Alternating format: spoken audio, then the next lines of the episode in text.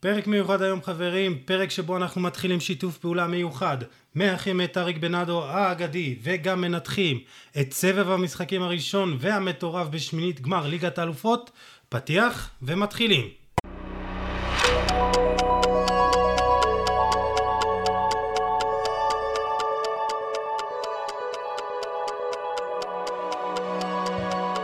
ברוכים הבאים לפרק ה-86 של חולה על כדורגל הפודקאסט, וכמו שאמרתי בפתיח, אנחנו שמחים מאוד להתחיל היום שיתוף פעולה עם קמפוס סיים וסקילס, שיחד הם אה, מוצאים קורס אנליסטים בכדורגל, אבל לפני שנספר לכם על שיתוף הפעולה ועל הקורס עצמו, אה, נגיד שלום לאריק בנאדו, אגדת עבר, מקום שלישי במספר ההופעות בנבחרת ישראל עם 94 הופעות והכדורגלן המעוטר ביותר עם 17 תארים ביניהם אה, תשע, תשע אליפויות, הוא עוזר מאמן הפועל באר שבע בהווה והוא גם מהמייסדים של סקילס ושותף אה, באפקס אה, אריק ידבר איתנו קצת על הקורס עצמו, התחום בכלליות ואיך זה מתבטא בפועל, על אפשרויות העסקה והכל ובסוף גם אה, נקשקש טיפה על ליגת האלופות, ואחרי ההקדמה הארוכה הזאת, אריק, שלום שלום, מה העניינים?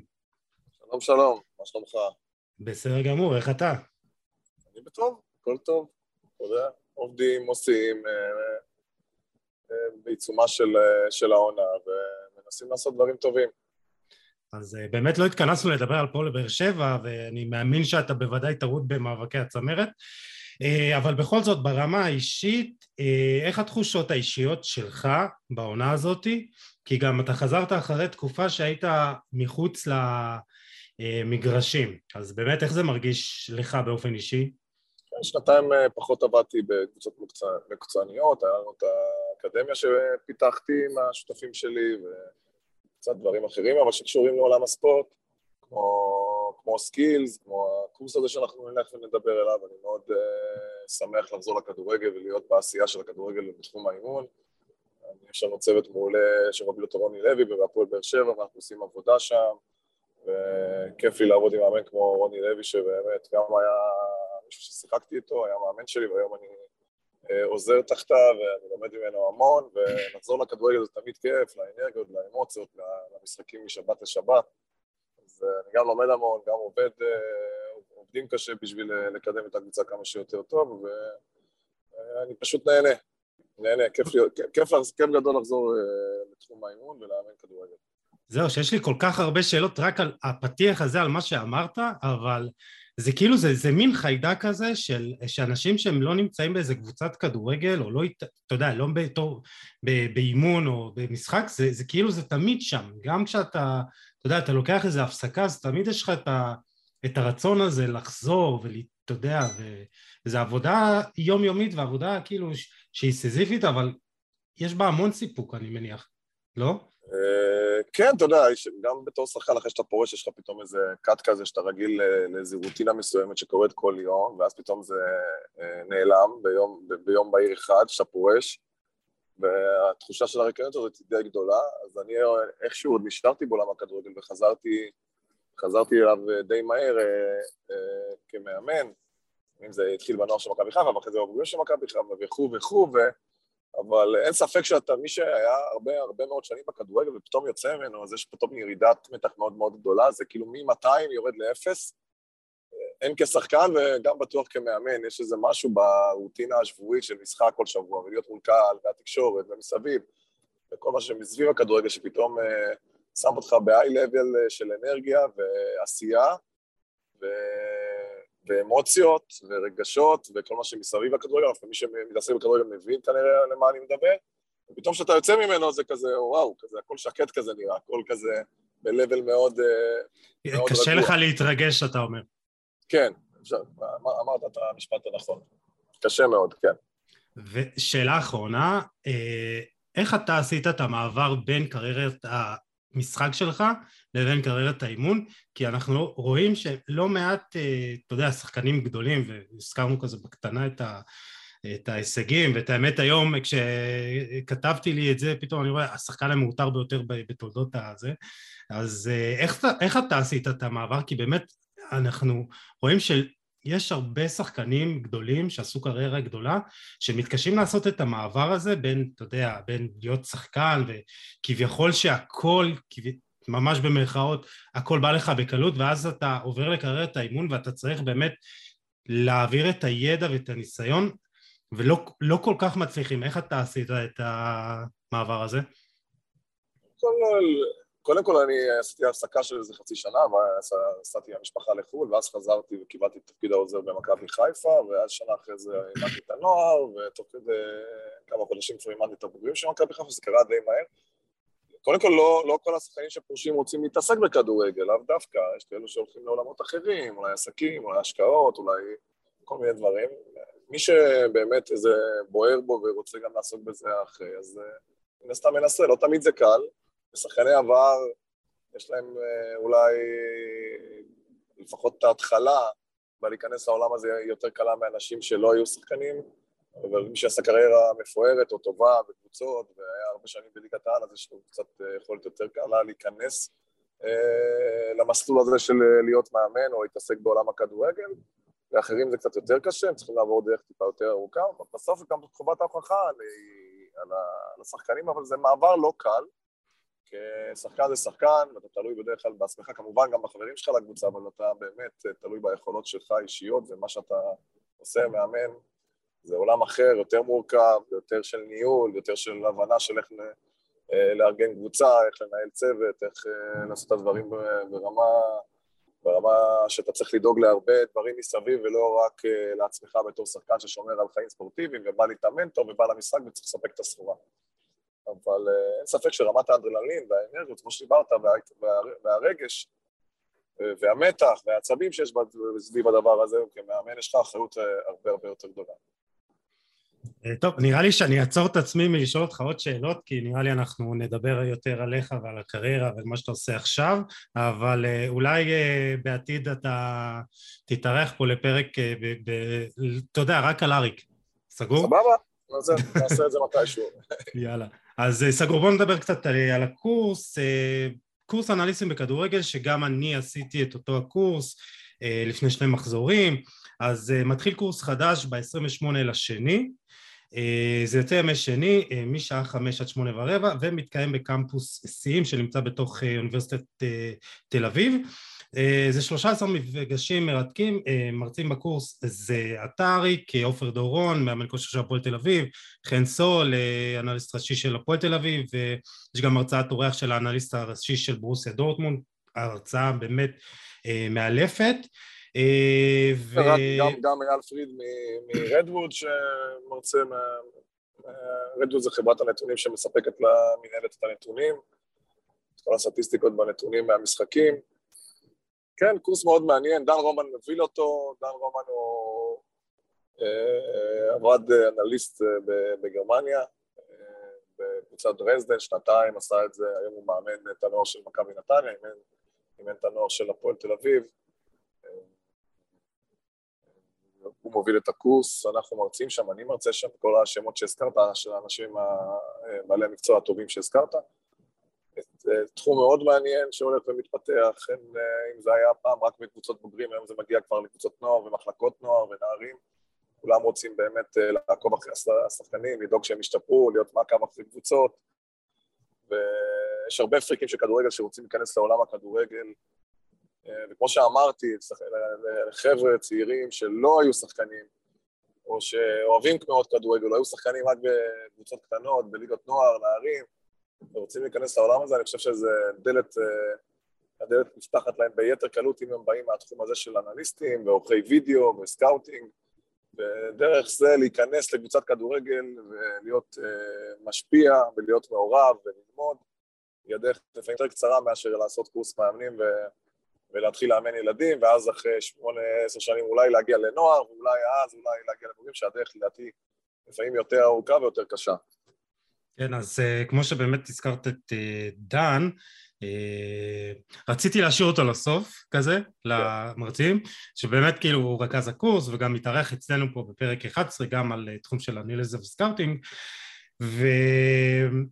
מה שבאמת מייחד, אני חושב, את אה, דן, שהוא גם שם שהוא לא יחסית אה, מוכר, אתה יודע, כאילו לא היה... לא הרבה מכירים אותו, אבל אני חושב שמה שמייחד אותו וגם את הקורס הזה, שבעצם הוא מדבר הרבה על רעיונות ועל פילוסופיה ועל דרך ובאמת על איך לחשוב כדורגל בצורה הרבה יותר אה, אה, מורכבת ובאמת אה, תמיד אומרים כזה הכדורגל הוא משחק פשוט, צחקו כדורגל וזה אבל לא, באמת כאילו צריך קצת יותר לחשוב לעומק ואני חושב שגם אחרי ששמעתי את הפרק שלנו איתו אז הבנתי את הדברים קצת אחרת באמת צריך לשמוע אותו יותר אה, ו... להיות ממש קשוב אליו כדי להבין ואני חושב ש, שאולי זה גם אחד הדברים שחסרים אצלנו פה בכדורגל הישראלי שאנחנו אה, מסתכלים יותר מדי על תוצאה סופית ולא מדברים על דרך ולא מדברים על פילוסופיה ועל רעיונות אתה מסכים איתי? מסכים אותך, קודם כל דנו באמת איש מיוחד, קודם כל הוא יודע להרצות, לדבר על כדורגל, על כל דבר כמעט, אבל כדורגל, בפרט הוא איש כדורגל בכל רמת, רמ"ח איבריו, הוא היה גם שחקן שחקן טוב בליגת העל, אה, שעשה שנים רמות בליגה, מאוד אוהב כדורגל. וגם היה ליגיונר ושיחק ב... נכון, וגם ליגיונר, בהולנד, אם אני לא טועה, כן, בהולנד. והוא מסתכל על הדברים קצת בצורה שונה ויותר עמוקה, וכמו שאמרת, על הדרך, ואיך לפרק את המשחק לגורמים, ואיך להבין אותו יותר נכון בשביל לדעת מה צריך לעשות, בשביל איך לשפר קבוצה, איך לבנות קבוצה, יש היום באמת, אה, הדיטלס בכדורגל יורד לרמות מאוד מאוד אה, עמוקות. ולמיקרו, וכל אחד יכול להסתכל ולראות כדורגל בצורה שונה, וגם השיח על, על הכדורגל יכול להיות שונה, והוא מביא איזה זווית אחרת לדבר הזה. כמו שאמרת, קצת פילוסופית, קצת יותר עמוקה, קצת... אה, לא משהו שאנחנו רגילים לשמוע פה בארץ, מאוד מעניין, מאוד מקצועי, מאוד אה, יורד אה, לעומקים שלא לא הרבה יודעים להגיע אליהם, וזה גם באמת נותן לך באמת להבין את הדברים בנקודת מבט אחרת. כן, אבל משחק כדורגל, אתה יודע, אומרים הוא פשוט, אבל הוא פשוט למי שיודע לראות אותו, כמו, כמו שצריך לראות אותו, אתה יודע, הוא לא פשוט למי שלא רואה, לא רואה את הדברים, זה נכון לגבי שחקנים, זה נכון, נכון לגבי מאמנים, יש uh, הרבה דברים שצריכים להבין במשחק הזה בשביל להבין איך uh, אפשר לשחק אותו יותר טוב, איך אפשר uh, להביא רעיונות חדשים ומעניינים, אנחנו לומדים גם מהעולם, וכל אחד מביא גם את האינפוט שלו, אבל בגדול הקורס הזה למי שבאמת יגיע ויירשם אליו הוא מאוד מאוד מעניין, עמוק, שונה ממה שיש בשוק ואתה אחד, אתה אחד מבוגרי הקורס הזה, אני מאמין שאתה גם אתה, יש לך משהו להגיד על זה, איך באמת החוויה שלך הייתה. אז זה, כן, אז זהו, אז אחד הדברים הראשונים שאני זוכר שדן אמר לנו זה שבאמת אנחנו עכשיו צריכים להסתכל על הכדורגל מנקודת מבט שונה. כלומר, אנחנו לא מסתכלים על כדורגל מבחינת, אתה יודע, מכיסא האוהד, או אתה יודע, צופה בטלוויזיה, אלא באמת להסתכל על הדברים בצורה טיפה שונה, להסתכל על פעולות ללא כדור, להסתכל על הפעולות קצת משונות, ולפעמים זה עוזר לנו לנתח את המשחק בצורה אחרת. כלומר, לא להסתכל רק על הפעולות עם הכדור, מי שאתה יודע, נותן איזה שער לחיבורים איזה נכון. דריבל מטורף, אלה שאר הדברים, אז באמת כאילו אה, תגיד לנו על הקורס הספציפי הזה, מה אנחנו לומדים בו, מה המטרה בסופו של דבר, אם אתה, אתה יודע, אה, איזה כלים אתה מקבל בשביל שיעזרו לך אחר כך לנתח את המשחק בצורה יותר טובה. נכון, תשמע, אנחנו מדברים על, בקורס הזה, באמת, על רוב המשחק הרי מתנהל ללא כדור, והיום המיקומים, גם מבחינה התקפית וגם מבחינה הגנתית, הם מאוד מאוד חשובים. שחקן שלא יודע לשחק ללא הכדור, אז הוא שחקן פחות טוב. הוא גם שחקן שמבין את המשחק פחות טוב. אה, אם נדבר על, ה, על, ה, על האנליסטים עצמם שבאים באמת לעשות את הקורס, הבחורים הצעירים שאוהבים כדורגל, אז אה, היום בקבוצת כדורגל, אה, אם זה בוגרים ואם זה נוער ואם זה בעולם בכלל, יש היום מחלקות שלמות של אנליסטים וסקאוטים, שחלק מתעסקים באולי בשחקנים זרים שרוצים להביא למועדון וחלק מסתכלים, אם נדבר על הדבר השוטף של אנליסט, אנליסט שכל קבוצה צריכה לפחות בשוטף, זה באמת איש שלוקח את כל הנתונים, עורך את הוידאו, אה, של הקבוצה ביחד עם הצוות המקצועי, אה, גם של הקבוצה היריבה וגם של הקבוצה שאתה מאמן, ונותן את האינפוטים הנכונים באמת ביחס למה שהמאמן דורש ממנו ורוצה ממנו לראות, ולהסתכל על המשחק, ללמוד מטעויות, לשפר דברים טובים, לראות איך אנחנו הופכים את הקבוצה ליותר טובה בעזרת הווידאו, גם בעניין הקבוצתי וגם בעניין האישי שהוא לא פחות חשוב, והווידאו הוא כלי מאוד מאוד מאוד אה, אה, מאוד מאוד חשוב בשביל אה, השיפור, בשביל להבין מה אנחנו עושים טוב, איפה אנחנו צריכים להשתפר, איך אנחנו מתכוננים לקבוצה יריבה שאנחנו באים לשחק ממנה, לשחק איתה אה, בשבוע הבא או קבוצה בשבוע אחרי זה, איך אנחנו אוספים את הנתונים, איך אנחנו עושים סטטיסטיקות, סטטיסטיקות שיכולות לעזור לנו בשביל להבין איפה אנחנו טובים יותר וטובים פחות. אז העבודה של האנליסט היא מאוד מאוד רחבה היום, יכולה להגיע, להגיע למלא מלא היבטים של המשחק. אה, אנליסט עובד כמובן מול המאמן, ביחס לדרישות שלו, מה צריך לעשות, איך לעשות, הוא צריך להבין את המשחק, הוא צריך לדעת לערוך וידאו ברמה טובה, הוא צריך לדעת לזהות אה, סיטואציות, לזהות טריגרים, שיטות, לחץ, הגנה, מצבי, מצבי התקפה, ורק אחרי שהוא יודע באמת לזהות את כל הדברים והפעולות האלו, אז הוא באמת יכול לנתח משחק, או יכול לנתח משחק של קבוצה, או פעולות אישיות של שחקן באופן ספציפי, אז הראייה של הדברים האלו, של האנליסט צריכה להיות, להיות מאוד עמוקה, להבין את הדברים האלו. לפעמים אנחנו, כמו שאמרת, מסתכלים על כדורגל בטלוויזיה, ראינו את הרמה, היה גול, איך זה הגיע, למה זה הגיע, תנועה, לחץ, ממה בא הגול, מה אנחנו רוצים לראות במשחק, מה המאמן דרש ומה בוצע ומה לא בוצע, ואלו הדברים שבסופו של דבר האנליסט צריך להבין בהם, לדעת אותם, לזהות אותם, ולהבין גם את דפוס ההתנהגות של המאמן שהוא עובד מולו ולהתאים את עצמו אה, לעבודה ולדרך שהמאמן חושב. תמיד, תמיד, תמיד, האנליסט עצמו גם יכול להביא אינפוטים של עצמו, רעיונות משל עצמו. בסוף, בסוף נראה לי אנליסט הוא הבן אדם שמכיר את הקבוצה אולי הכי טוב מכולם, לפעמים יותר מהמאמנים, הכמות וידאו ומשחקים שהוא רואה של הקבוצה ומעקבים, ותוך כדי עריכה גורמת לו להכיר את הקבוצה באמת ברמה מאוד מאוד עמוקה וספציפית, ולהיכנס לדיטלס מאוד מאוד מאוד מאוד עמוק. זהו, זה יכול להיות אפילו אה, עד רמה של איך השחקן עוצר את הכדור, אה, באיזה כן. רגל, אם אתה יודע, כן. חיצון, פנים, באמת כאילו, על רזולוציות כאלה אנחנו מדברים, נכון?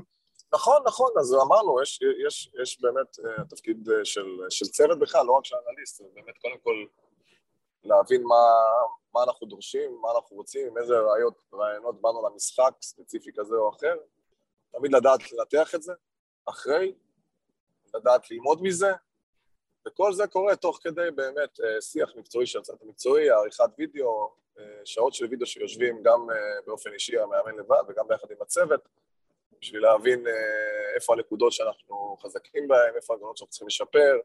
תמיד יש הצוות או אנליסט יושב גם עם שחקנים באופן אישי בכדי לשפר אותם. השחקנים אוהבים לעשות את זה, אוהבים לשבת עם, עם ה, על הוידאו של עצמם בשביל ללמוד את הפעולות הטובות והלא טובות שהם עשו.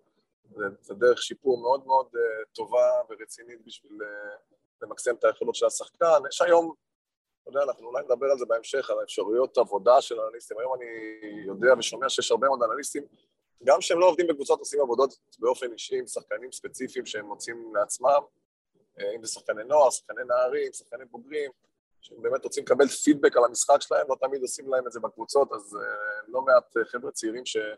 שעברו משהו בכדורגל או למדו, או שהם מחשיבים את עצמם, מחשיבים את עצמם אנליסטים, עושים עבודות גם באופן פרטי, לאו דווקא במסגרת קבוצה, מול שחקנים, יושבים איתם, עובדים איתם, אה, משפרים אותם, אה, מציבים מטרות אה, בשביל להגיע אליהם בכל משחק, ומה מה צריך לעשות יותר טוב, מה, מה דברים שצריכים לשפר. אז אה, בתחום הזה אולי נדבר אחרי על אפשרויות עבודה ודברים כאלו, שנראה לי כן. נכנס לזה בשלב יותר מאוחר, כן. אבל שנייה נגעתי גם בזה. זהו, אז, אז זה גם מתקשר למה שאתה אמרת עכשיו, ובאמת אה, אנחנו רואים שהתחום הזה של גם האנליזה וגם הסקאוטינג באמת אה, תופס יותר ויותר תאוצה ויש אה, את, את הקורס שלכם ועוד קורסים ובאמת מדברים על זה יותר, השיח נהיה יותר באמת מקצועי ואיכותי ובאמת יש המון אנשים שיוצאים גם לשוק עם הכלים האלה.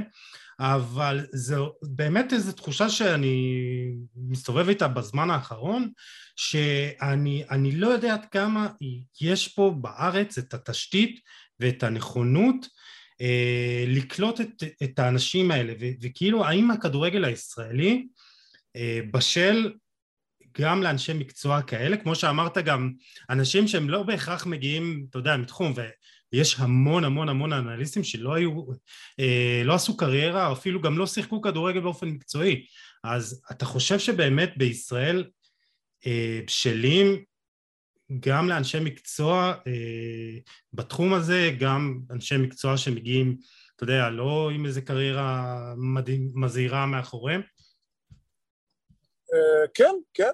קודם כל באמת צריכה להיות לאנשים האלו הבנה ורצון ותשוקה לכדורגל בשביל ללמוד את המשחק הזה, כמו שאומרים, ויש הרבה מה ללמוד מהמשחק הזה, אתה לומד כל היום, גם, גם אני היום בגילי, אנחנו תמיד לומד, מכל משחק אתה לומד, מכל אה, רעיון של אה, דברים שאתה רואה בחו"ל ממאמנים גדולים, אתה לומד, אנחנו כולם אה, באמת מסתכלים על כדורגל בצורה יותר עמוקה, במיוחד כשאתה נכנס לתחום האימון והאנליזה, אז אני חושב שהיום כמעט בכל קבוצה בוגרת יש אנליסט אחד, יש קבוצות שיש להן מחלקה גם של אנליסטים, זה מכבי חיפה, מכבי תל אביב, באר שבע יש לנו אחד.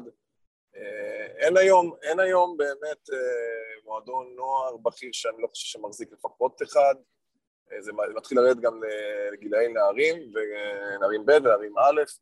היום כל אה, מאמן מבין שאם הוא רוצה לשפר את הקבוצה שלו הוא צריך לעשות וידאו, הוא צריך אה, לאסוף נתונים על השחקנים שלו, על פעולות שלהם, להבין איך הוא מנתח את זה, איך הוא משפר את הקבוצה שלו. קשה מאוד לעשות, אפשר לעשות את זה גם בלי, אבל זה הרבה יותר קל לעשות את זה בעזרת אה, וידאו ועריכות מקצועיות של אנליסטים שיודעים ומבינים את המשחק. אז שוב פעם אני אומר, יש היום אפשרויות עבודה, גם בתחום הפרטי, אם אתה יכול לעשות את זה, וגם במועדונים. ואנשים מוכשרים ורעבים שמאמינים בעצמם, גם הרבה, הרבה, הרבה אנליסטים שסיימו את הקורס אצלנו עבדו, עבדו במכבי תל אביב ובחדר בהפועל תל אביב. הם מגיעים לשוק, נכון, אז אני לא אגיד שכולם, יכול להיות שיש אנשים שרוצים רק להשאיר את הידע, להשאיר את הידע שלהם בכדורגל, שיש עוזרי מאמנים שרוצים קצת להבין את הכדורגל טיפה יותר לעומק ומבינים ורוצים גם לערוך וידאו, שזה ייתן להם איזה ערך מוסף.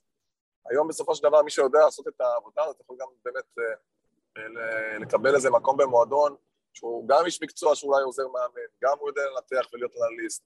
אז השילוב הזה לפעמים הוא גם אה, יכול לעזור אה, לאנשים האלו לקבל אה, עבודה בכל מיני מועדונים. אנשים היום מאמנים רוצים שיהיה להם איזה איש צוות כזה שהוא גם, גם אולי מבין כדורגל, גם יכול לעזור במגרש, מצד שני גם מבין ועורך את הוידאו ואחראי על, על כל ההיבט של הסקאוטינג של קבוצות יריבה ו... ומעקב אחרי הקבוצה שלנו, אז אה, התחום הזה הוא קורה, יש כבר, אין היום מועדון במחלקת נוער, לא מעט מועדונים כבר מחזיקים מצלמות בכל אה, מתחם, זה בהפועל תל אביב אני יודע, מכבי פתח תקווה, מכבי חיפה, מכבי תל אביב, אז ככה שהמשחקים מצולמים, יש מודעות לזה, אה, אנשים מבינים את החשיבות והצורך באיש מקצוע כזה במערכת, אם זה במחלקת נוער, ואם זה בקבוצה בוגרת, אם זה בקבוצות נוער, אז ככה שזה תחום שהולך ומתפתח ולדעתי גם מתחזק. כן, אז זה באמת אה, נושא שמטריד לא מעט אנשים, אפשרויות התעסוקה לאחר מכן, אה, וגם אה, צריך להזכיר שבקורס הזה יש גם אפשרויות לסטאז' כבר במהלך הקורס ובאמת עוזרים, ואני אספר לך על לכולם, גם על שני אה, חבר'ה שעשו איתי את הקורס ועכשיו אה, עובדים, גם בקבוצה וגם באופן פרטי, אז אחד מהם זה ברק בן זאב, הוא אנליסט קבוצת הבוגרים של מועדון ספורט כפר קאסם בליגה הלאומית וגם של קבוצת נערים ב' של הפועל תל אביב, והוא גם בעל עסק עצמאי לצילום טקטי של אימונים ומשחקים באמצעות רחפן, Football Drone, וגל משה שהתארח כבר אצלנו בעבר והתארח ממש ממש בקרוב על ה... אה, ינתח את, את אה, המשחקים בליגת האלופות. הוא אנליסט במחלקת הנוער של מכבי פתח תקווה והוא גם עובד בחברת אה, סטארט-אפ של דאטה ו- וסקאוטינג. אז יש, יש גם אפשרויות גם במהלך נכון. הקורס, כן, וגם נכון. הזכרת מכבי תל אביב בוגרים, נתניה, חדרה, קבוצות נשים גם, היה איזה מישהו שהגיע, נכון? אנשים, אנשים באמת רעבים ושרוצים להתעסק במקצוע בסופו של דבר, ושכמובן גם אה, מוכשרים, מצליחים אה, להיכנס לעולם הזה בסופו של דבר. יש ביקוש לדבר הזה, גם אמרתי, אפשר לעשות אה, מזה, להתפרנס מזה ברמה האישית, אפשר להיות שייך לאיזה מועדון בחצי משרה או במשרה מלאה, אפשר באמת לקחת את זה לכל מיני חברות דאטה שמחפשות אנליסטים שיודעים להתעסק בכדורגל וזה. אז יש לא, לא מעט סטארט-אפים גם בתחום, או חברות שכבר כרגע קיימות ועובדות, אז אז זה קורה, ואנשים עובדים בזה ומתפרנסים מזה. אני לא אגיד שזה קל וזה קורה כזה בקלות, אבל כמו בכל דבר בחיים, אתה רוצה, אוהב משהו ורוצה להתעסק בו, אז אתה צריך להשקיע בזה מאמץ ולהיות חרוץ, ואין לי ספק שמישהו מוכשר אה, ומה שהוא עושה בסופו של דבר גם ימצא את מקומו במקומות טובים, ויוכל גם להתפרנס מזה. טוב, אז ככה לקראת סיום, אתה מוכן לתת לנו איזה דוגמה מהעונה הזאת, מהפועל באר שבע, לעבודה עם אנליסט, ומה הוא עושה בפועל, איך זה התבטא בפועל במגרש? אנליסט הוא, כמו שאמרתי, לפחות אצלנו, הוא מאוד מעורב, הוא עורך את הוידאו של נגיד על המשחק בשבת, הוא מביא כבר את הוידאו מוכן כמעט ביום אה, שני, צופים בו ביחד עם השחקנים, הוא מביא את האינפוטים שלו גם למה שהוא ראה, הוא יושב אה, עם המאמן ובהרבה שיחות אה, אישיות עם המאמן בשביל להבין מה, מה, מה אנחנו רוצים לראות, מה המאמן רוצה להראות לשחקנים. תמיד יש איזה אינפוט כזה או אחר שפתאום הוא יכול לבוא רעיון שלא כמו שעוזר יכול לבוא עם רעיון למאמן ולהגיד אותו. אז גם האנליסט יש לו את הבמה להגיד את דעתו ומה הוא חושב, והוא נשאל תמיד גם מה דעתו על דברים מסוימים ומקצועיים, ותמיד הוא מרגיש מאוד מעורב, הוא מאוד חלק, כמו שאמרתי, בסופו של דבר אנליסט הוא אחד האנשים הכי קרובים למאמן הכדורגל. כן, אנחנו במהלך שבוע אנחנו עושים לא מעט וידאו, גם אישי, גם קבוצתי, גם על הקבוצה היריבה, שהכל, הצינור של מי שמביא בסוף את המידע ואת הוידאו ואת העריכה זה, זה, זה האנליסט. אז הוא, הוא מעורב כמעט בכל פרט שקשור לקבוצה בפן המקצועי, ו... ומרגיש חלק מהצוות, ממש, ממש חלק מהצוות, כאילו הוא עוד מאמן. לא מעט מאמנים גם לפעמים יכולים לשלב, באמת, אם יש תעודת מאמן לאנליסט גם, אה, להביא אותו למגרש ולהיות עוד, עוד איש צוות במגרש, שזה גם אה, משהו שאנליסטים אוהבים ומתחברים, וגם יכולים באמת להיכנס לממד של להיות עוזר ואנליסט. אז ככה ש... אנחנו, אני מאוד אוהב אה, לעבוד עם אנליסטים, אני חושב שזה משהו שהוא חשוב בקבוצה, יש לו ערך מאוד מאוד גדול. אה, התפקיד שלו הוא מאוד מאוד מאוד חשוב, מצד שני גם הוא צריך לדעת את מקומו ואיך להתנהל ומה לעשות, ותמיד בסופו של דבר, גם אם יש לו סיי, להתחבר לדרך ולרעיונות של המאמן שהוא עובד איתו. אז אה, מבחינתי זה תפקיד, תפקיד סופר סופר חשוב בכדורגל המודרני. טוב, אני באמת מאוד מקווה, אנחנו פה בפודקאסט ואני בדף, אה, עוד לפני שעשיתי את, ה... את הקורס בעצמי, אז מאוד היה חשוב לי באמת אה, אה, להעלות את הרמת השיח ואת האיכות, ואני חושב שככל שגם יהיו לנו יותר אנשים שהם מתעסקים בצד המקצועי של המשחק הזה, אז נוכל גם לשפר אותו וגם לשפר את הדור הצעיר, שכמו שאמרת, יש היום מחלקות נוער, מכבי פתח תקווה והפועל תל אביב, אה, שמחזיקות באמת אה, אנליסטים כמעט בכל קבוצת גיל אה, אז ככה זה מאוד חשוב ואני באמת מאוד מקווה שבסופו של דבר גם מנהלי הקבוצות ובעלי הקבוצות יבינו שיותר יותר זול להם להחזיק מספר אנליסטים מאשר להביא שחקנים במאות אלפי יורו בסופו של דבר וליפול איתם אבל ככה לקראת סיום יוצא לך בכלל לראות כדורגל עולמי? או שפחות. כן, יוצא לי, יוצא לי. רואים גם, כן, שיש זמן, אז רואים. לא את כל המשחקים, כי יש כל כך הרבה כמות משחקים מאוד גדולה, אבל כן. טוב, אז יש, יש לנו השבוע את uh, הסבב הראשון של uh, uh, שמינית גמר uh, ליגת האלופות, ואת האמת, זה המשחקים הכי טובים, uh, שכאילו, הסבב קצת יותר uh, משחקים גדולים מה, מה, מהשני. Uh, אז uh, נתחיל ככה, ממש בקטנה, תגיד לי, אני אעבור משחק, ארבעה משחקים, נעבור משחק משחק. אה, הימורים שלך למשחק הראשון ומי תעלה בסופו של דבר. אה, משחק ראשון, פריז סן ג'רמן נגד אה, ריאל מדריד, תוצאה של המשחק הראשון, משחק בפריז. משחק בפריז, 2-1 לפריז נראה לי, לא יודע. אני מאמין שפריז, מסי מתחיל להיכנס לעניינים, וריאל קצת בדעיכה בשני המשחקים האחרונים. והיא עוברת בסיכום שני המשחקים? כן, פריז עוברת. יפה. אה, משחק אה, שני ביום שלישי, ספורטינג ליסבון אה, נגד מנצ'סטר סיטי. אתה... משחק הראשון איפה? משחק הראשון איפה? בפורטוגל. משחק של תיקו. כן? לדעתי, כי למרות שמנצ'סטר בכושר מדהים. אבל יהיה להם לא קל בפורטוגל לדעתי. כן, ואתה אומר שבסיכום שני המשחקים יעברו. חייבים לעבור. כן. אתה, אתה מה... אה, מאלה שסוגדים לפפ? לא סוגדים, הוא מדהים. לא יודע אם יש מישהו שלא מעריך את פפ, ברור. אני לא, לא סוגד לאף אחד, אבל מאוד מאוד אוהב אותו. אבל מי, מי, מי, מי הכי קרוב שאתה סוגד לו מהמאמנים בעולם? גרדיולה אני הכי אוהב, כן, גרדיולה אני אוהב. את קונטה אני אוהב. אה, זה שני, זה שני מאמנים כאילו שונים בתכלית ב... סארי אה, ב- אני אוהב, נכון, אבל אתה יודע, אני מסתכל כמה... כן, כן, אוהב ללמוד מכמה. טוב, יפה מאוד. אה, טוב, אז נעבור לאינטר לליברפול, משחק ראשון ב- באיטליה.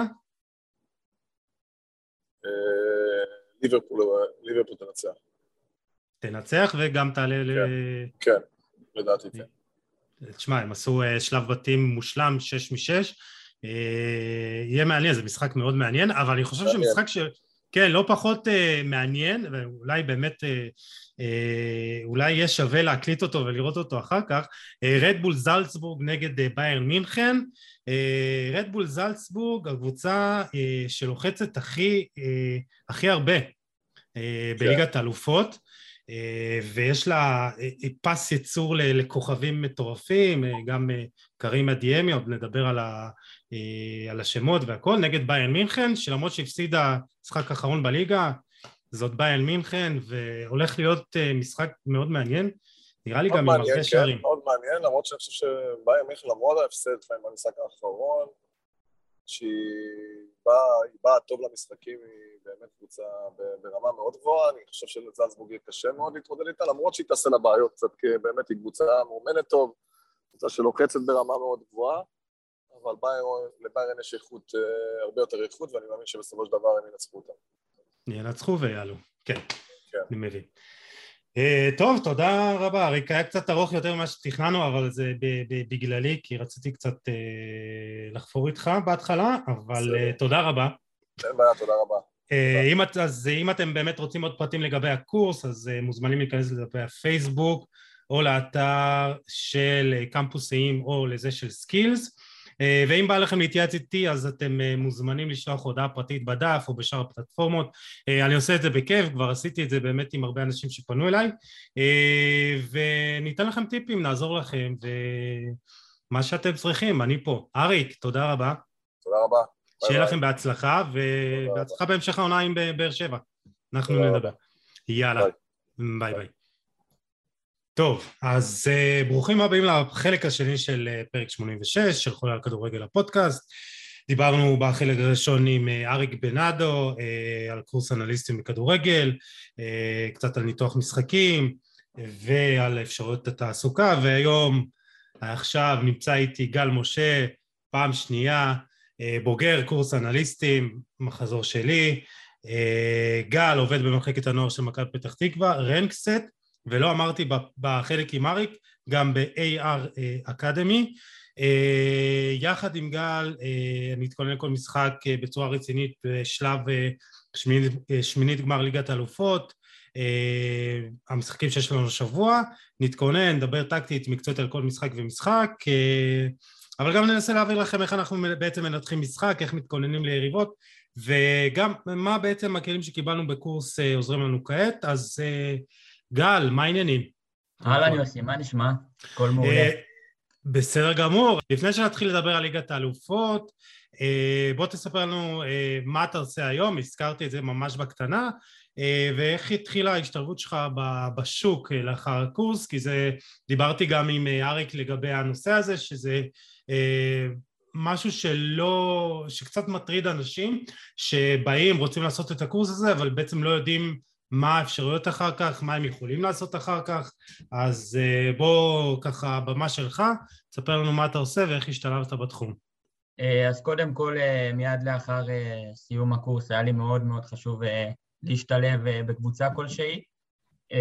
אני חושב שהקורס נותן המון כלים והמון ידע, אבל החשיבות היא לדעת ולבוא וליישם את זה בשטח. אה, אני התחלתי במחלקת הנוער של מכבי פתח תקווה בהתנדבות מלאה. אה, היה לי מאוד מאוד חשוב באמת אה, לבוא ולצבור ידע, ניסיון. היום אני כבר עובד שנה שנייה במחלקה, בשכר. בין היתר השתלבתי גם בחברה שנקראת רנקסט, חברה שפיתחה אלגוריתם שהמטרה שלה, שלו היא להתאים שחקנים לקבוצות על פי דאטה, באמת לאסוף המון נתונים ולראות איך אה, אפשר לשלב שחקן מסוים בקבוצה מסוימת. ובנוסף לכך אני עובד גם ב-AR Academy, זו אקדמיה לפיתוח שחקני כדורגל, שייסד אותה הדר רוזנברג. האקדמיה מציעה קודם כל אימוני טכניקה, אבל גם תוכניות ליווי. הדר מלווה את מנור סולומון, את דור פרץ, והתפקיד שלי שם הוא בעצם האנליסט שלו. אנחנו ביחד מוציאים קטעים, מנתחים פעולות, שזה באמת חוויה מדהימה, וגם הדר הוא גאון, אז אני באמת לומד ממנו הרבה. טוב, גל, בוא ככה תספר לנו מה לדעתך התפקידים המרכזיים של האנליסט. אז קודם כל מבחינת התפקיד עצמו, אני חושב שלפני שאנחנו בעצם מתחילים לגעת בדברים, התפקיד הכי חשוב של האנליסט הוא לבוא ולהבין את הרצונות והעקרונות של המאמן, ומה הוא בעצם רוצה מהקבוצה, ורק אז בעצם נוכל להביא את היתרונות שלנו ואת הערך המוסף שלנו בצורה הטובה ביותר. אז כשאני מנתח את הקבוצה, חשוב לי מאוד לבוא ולזהות מה המערך שלי ואיך המערך שלי שהקבוצה בפוזיישן, איך המערך שהקבוצה מחוץ לפוזיישן, לבוא ולזהות את הבילדאפים, את חילופי המקומות בהנעת הכדור, לבוא ולראות איך הקבוצה יוצרת את המצבים, אם הקבוצה היא צפופה, אם הקבוצה היא רחבה, קומפקטית, איך, איך בעצם השחקנים ממוקמים על המגרש. גם משחק לחץ זה משהו שמאוד מאוד חשוב לבוא ולזהות שאני מנתח את הקבוצה. אני יכול להגיד שדווקא במחלקות נוער עובדים הרבה גם באופן אישי עם שחקנים, לשבת עם שחקן לוידאו אישי, לבוא, להראות לו את הדברים ולהסביר לו את הדברים ולגעת איתו בנקודות מאוד מאוד ספציפיות ונקודות מאוד מאוד, איך אני אגיד את זה, מאוד חשובות במשחק. זה מתחיל מעמידה, מתפנית, מסריקות, וגם תחת הסריקות יש את העניין החשוב, כי לסרוק כל אחד יכול. השאלה החשובה היא מה אנחנו עושים עם הסריקה, איך אנחנו מאבדים את המידע שאספנו מהסריקה עצמה, ואני חושב שברגע באמת ששחקנים בפן האישי יותר יתחילו לייחס חשיבות לעניין הזה, אז גם באמת אנחנו נראה אותם מבצעים פעולות איכותיות יותר. אני חושב שאנליסט צריך גם לדעת להביא ערך מוסף, אם זה לקבוצה ואם זה לשחקן, ולדעת ולבוא ולזהות את, ה, את הבעיות, את היתרונות, את החסרונות של כל קבוצה או שחקן כזה או אחר. אני, קודם כל, אני מבין את ה...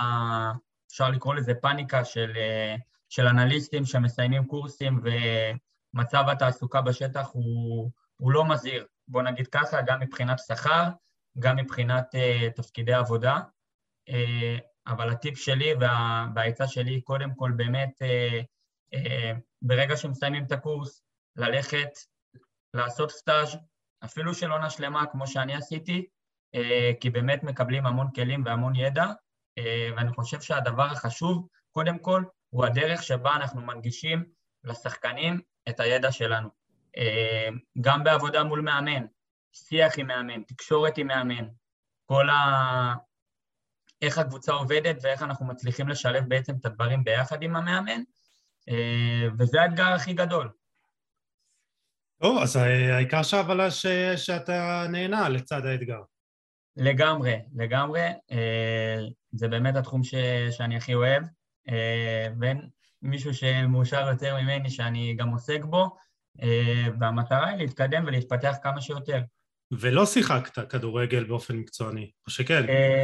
שיחקתי למשך שנתיים בביתר רמת גן, לא היה לי את היכולות הנדרשות להיות שחקן. רגע, עד איזה גיל? שיחקתי בגיל 12-13, הייתי השחקן הזה בחדר הלבשה שמחבר את כולם, והייתי שחקן חדר הלבשה, בוא נקרא לזה ככה, היו מכניסים אותי כזה במשחקים ש... שמובילים כדי שאני אבקיע גולים. אבל תמיד עניין אותי העניין, העניין של הצד השני, להיות מאחורי הקלעים ולנתח את הדברים, וזה תמיד מה שמשך אותי. הייתה לי התלבטות עם ללכת לקורס מאמנים, אבל ברגע ששמעתי על, ה... על התחום של האנליזה והסקאוטינג, זה ישר עשה לי קליק ו... וידעתי שלשם אני מכוון. אה, טוב, זה, זה גם אה, משהו שבאמת אה, חשוב להדגיש, גם אני לא, לא, היה, לא שיחקתי אפילו שנתיים בביתר רמת גן או קבוצה אחרת, אני פשוט השתלבתי בגיל אחרי צבא, אחרי קורס מאמני כושר, במדריכי כושר, במחלקת הנוער של בית"ר ירושלים, ולפני שנה וחצי, כמה עשינו את הקורס? שנה. כן, סיימנו אותו באוקטובר 20. וואי וואי, איך הזמן טס. אז uh, כן, אז uh, uh, חשוב להדגיש שבאמת לא כל מי שמשתלב בתחום הזה, אתה יודע, בתחום של האנליזה והסקאוטים, אתה יודע, יש כאלה שבאים אפילו בלי רקע כלשהו במחלקות נוער, או באמת אה, בעבודה מסוימת עם, אה, אה, בכדורגל, אז ככה שזה תחום שהוא פתוח להרבה אנשים, וחשוב להבין כדורגל, ולהבין כדורגל בצורה קצת מעבר, אבל זה כבר לפעם אחרת, אנחנו פה התכנסנו לנושאים חשובים מאוד, ליגת האלופות, מתרגש לחזרה? מתרגש מאוד.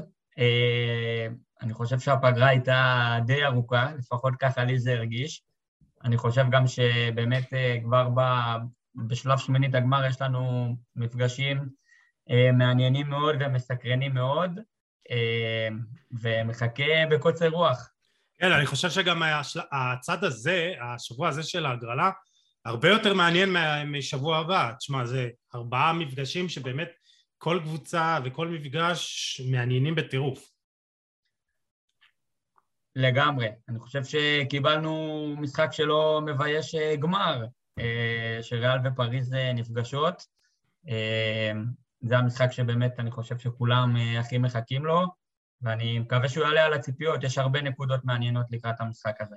אז זה באמת המשחק הראשון שאנחנו נדבר ונקדיש את מירב הזמן לניתוח שלו, אני חושב שזה מעניין הרבה מאזינים, אז אה, פריז סן ג'רמן מארחת את המשחק הראשון ביום שלישי, אה, מארחת את אה, ריאל מדריד והשתיים נפגשו עשר פעמים בעבר, יש ארבעה ניצחונות לריאל, שלושה לפריז ושלוש תוצאות תיקו, יחס שערים של 14-13 לפריז. פריז ניצחה בגביע הוופא ובגביע המחזיקות בנוקאוט, המפעלים האלה, אה, ובפעם הקודמת אה, ש...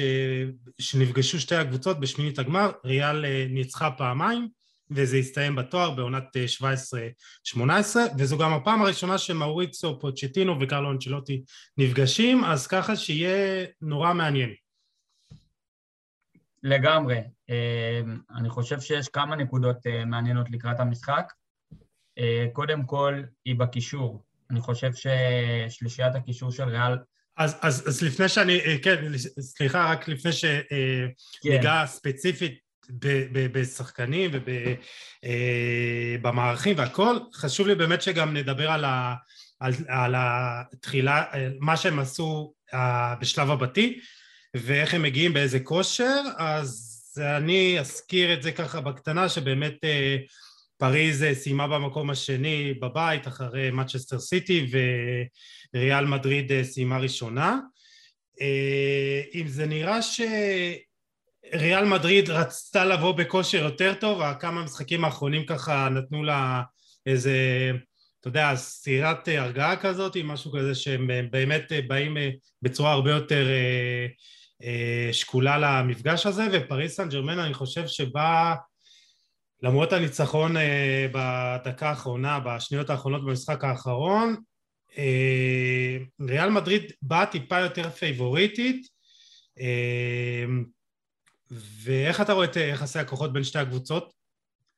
אז קודם כל, ברגע שהמשחק הוגרל בעצם, מבחינתי אני חושב שהיה יתרון לריאל, בתקופה שהיא הייתה באותו זמן, אבל כמו שאמרת, ריאל בתקופה האחרונה לא מציגה את היכולת אה, שראינו ממנה בתחילת העונה, אה, אז אני חושב שדווקא למשחק הקרוב שיתקיים בפריז, אני חושב שפריז פייבוריטית אה, לנצח את המשחק. ויש לה גם את לאו מסי שדיברתי עליו בדף, שגם לאט לאט גם חוזר לעצמו, גם מבחינת כיבושים ככה, פחות או יותר, אבל גם מבחינת מעורבות בשערים, ובישולים, אז יהיה מאוד מעניין. אני חושב שיחסי הכוחות קצת יתאזנו, למרות שנדבר על זה, פריז ממש לא משכנעת. פריז לא משכנעת, אה, אני חושב שהעובדה שהיא לא באמת מצליחה לרוץ עם אה, הרכב קבוע, אה, או אפילו סגל קבוע, לאורך משחקים מאוד מאוד מקשה עליה לבוא ולייצר יכולת רציפה לאורך העונה. אז באמת יהיה מעניין לראות אם הם, אם הם יצליחו להביא את היכולות לידי ביטוי במשחק מול ריאל, ובעצם להציג קבוצה שרצה הרבה זמן. אה, אני חושב שנגעת בלאו מסי, אני, אני יכול להגיד שלפלרן מנדי אה, יש תפקיד מאוד חשוב בהנעת הכדור של ריאל מדריד, אה, שהוא בעצם בגלל הטכניקה הלקויה שלו על הנייר, עולה המון קדימה, ומי שיורד בעצם להשתתף בהנעת כדור בצד שמאל הוא טוני קרוס, וזאת בעצם העמדה של מסי, אז יהיה באמת מעניין לראות אם, אם מנדי ימשיך אה, להשתתף בהנעת כדור ולעלות קדימה, אה, ואם ריאל תיקח את ההימור הזה, שמי שהמשבצת שלו על מנדי זה לאו מסי, שכמו שאמרת, חוזר לעצמו בתקופה האחרונה.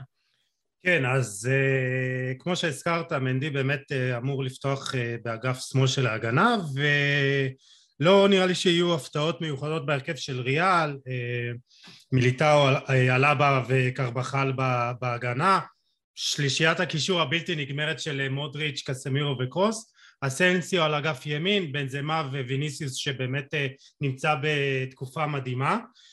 אה, בפריז אה, נאמר חוזר לעניינים ויכול להיות שהוא ישתלב במשחק כמו שאני מעריך, יכול להיות שהוא גם יעלה בהרכב, אתה יודע, בפריז ירצו ללכת על כל הקופה, אה, אז אה, בואו בוא נתחיל קצת לדבר על אה, יחסי הכוחות וגם על שאר הדברים. במה שלך. אוקיי, okay, אז לקראת המשחק הזה באמת יש כמה נקודות וכמה מצ'אפים מאוד מעניינים. אני חושב שהשתיים המרכזיים, קודם כל יהיה בקישור. שלישיית הקישור של ריאל מדריד היא טובה יותר, אבל היא לא אתלטית. היא לא אתלטית כמו שלישיית קישור של פריז, ולכן אני חושב אה, שהכוח של ריאל אה, יהיה בקצב משחק איטי מהבחינה הזאת באמצע. אה, אני יכול להגיד ששחקן המפתח שלי במשחק הזה מבחינת ריאל הוא קסמירו. לזידן לפחות ולריאל נוח לתת ליריבה להתמקד באמצע, שם היא מצליחה להכין מלכודות של צפיפות.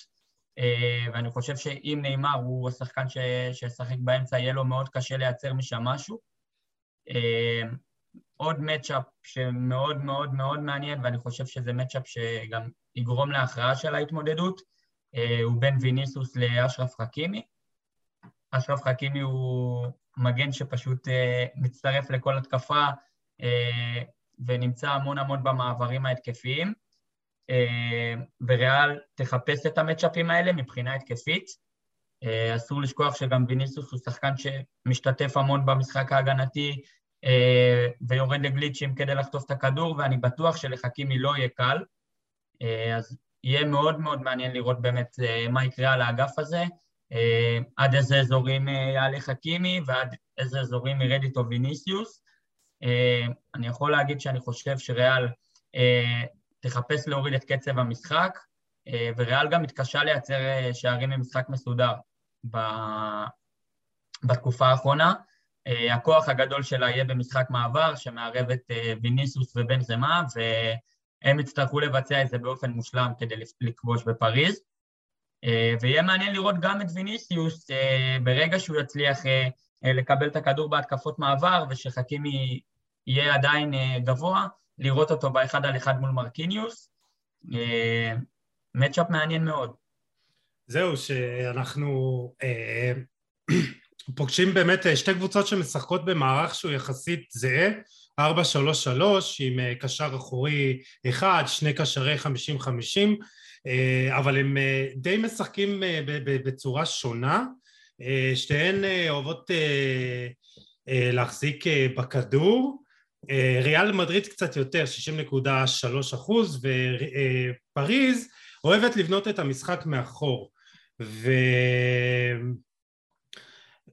כמו שאמרתי, הם, הם, הם, הם, הם עם אותו מערך, אבל ריאל תוקפת יותר מהצדדים.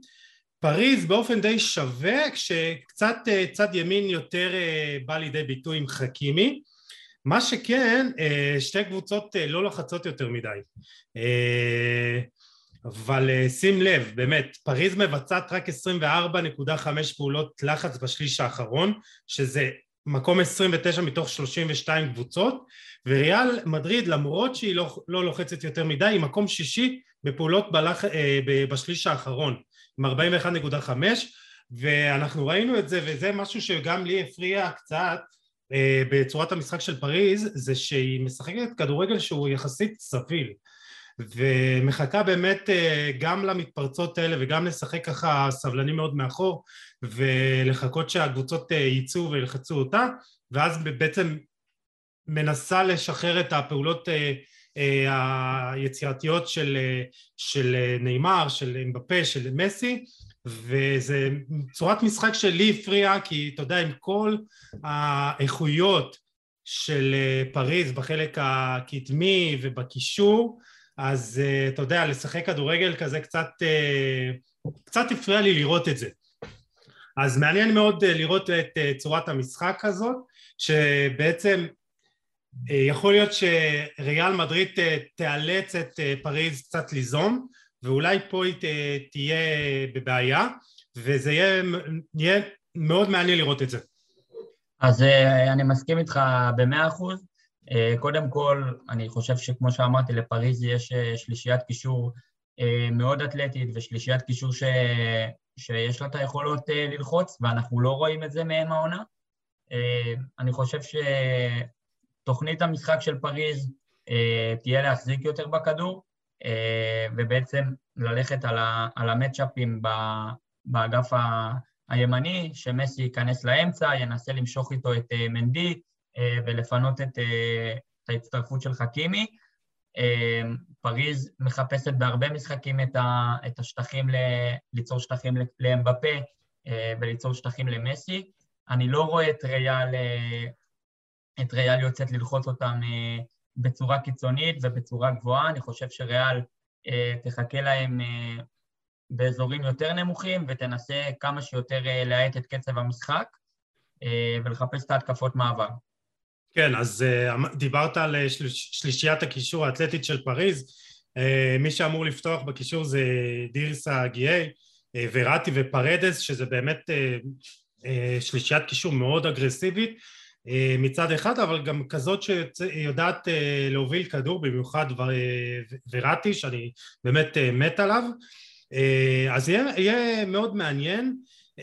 מי שבאמת לא דיברנו עליו בריאל זה ויניסיוס, שבאמת נמצא בעונה פנטסטית.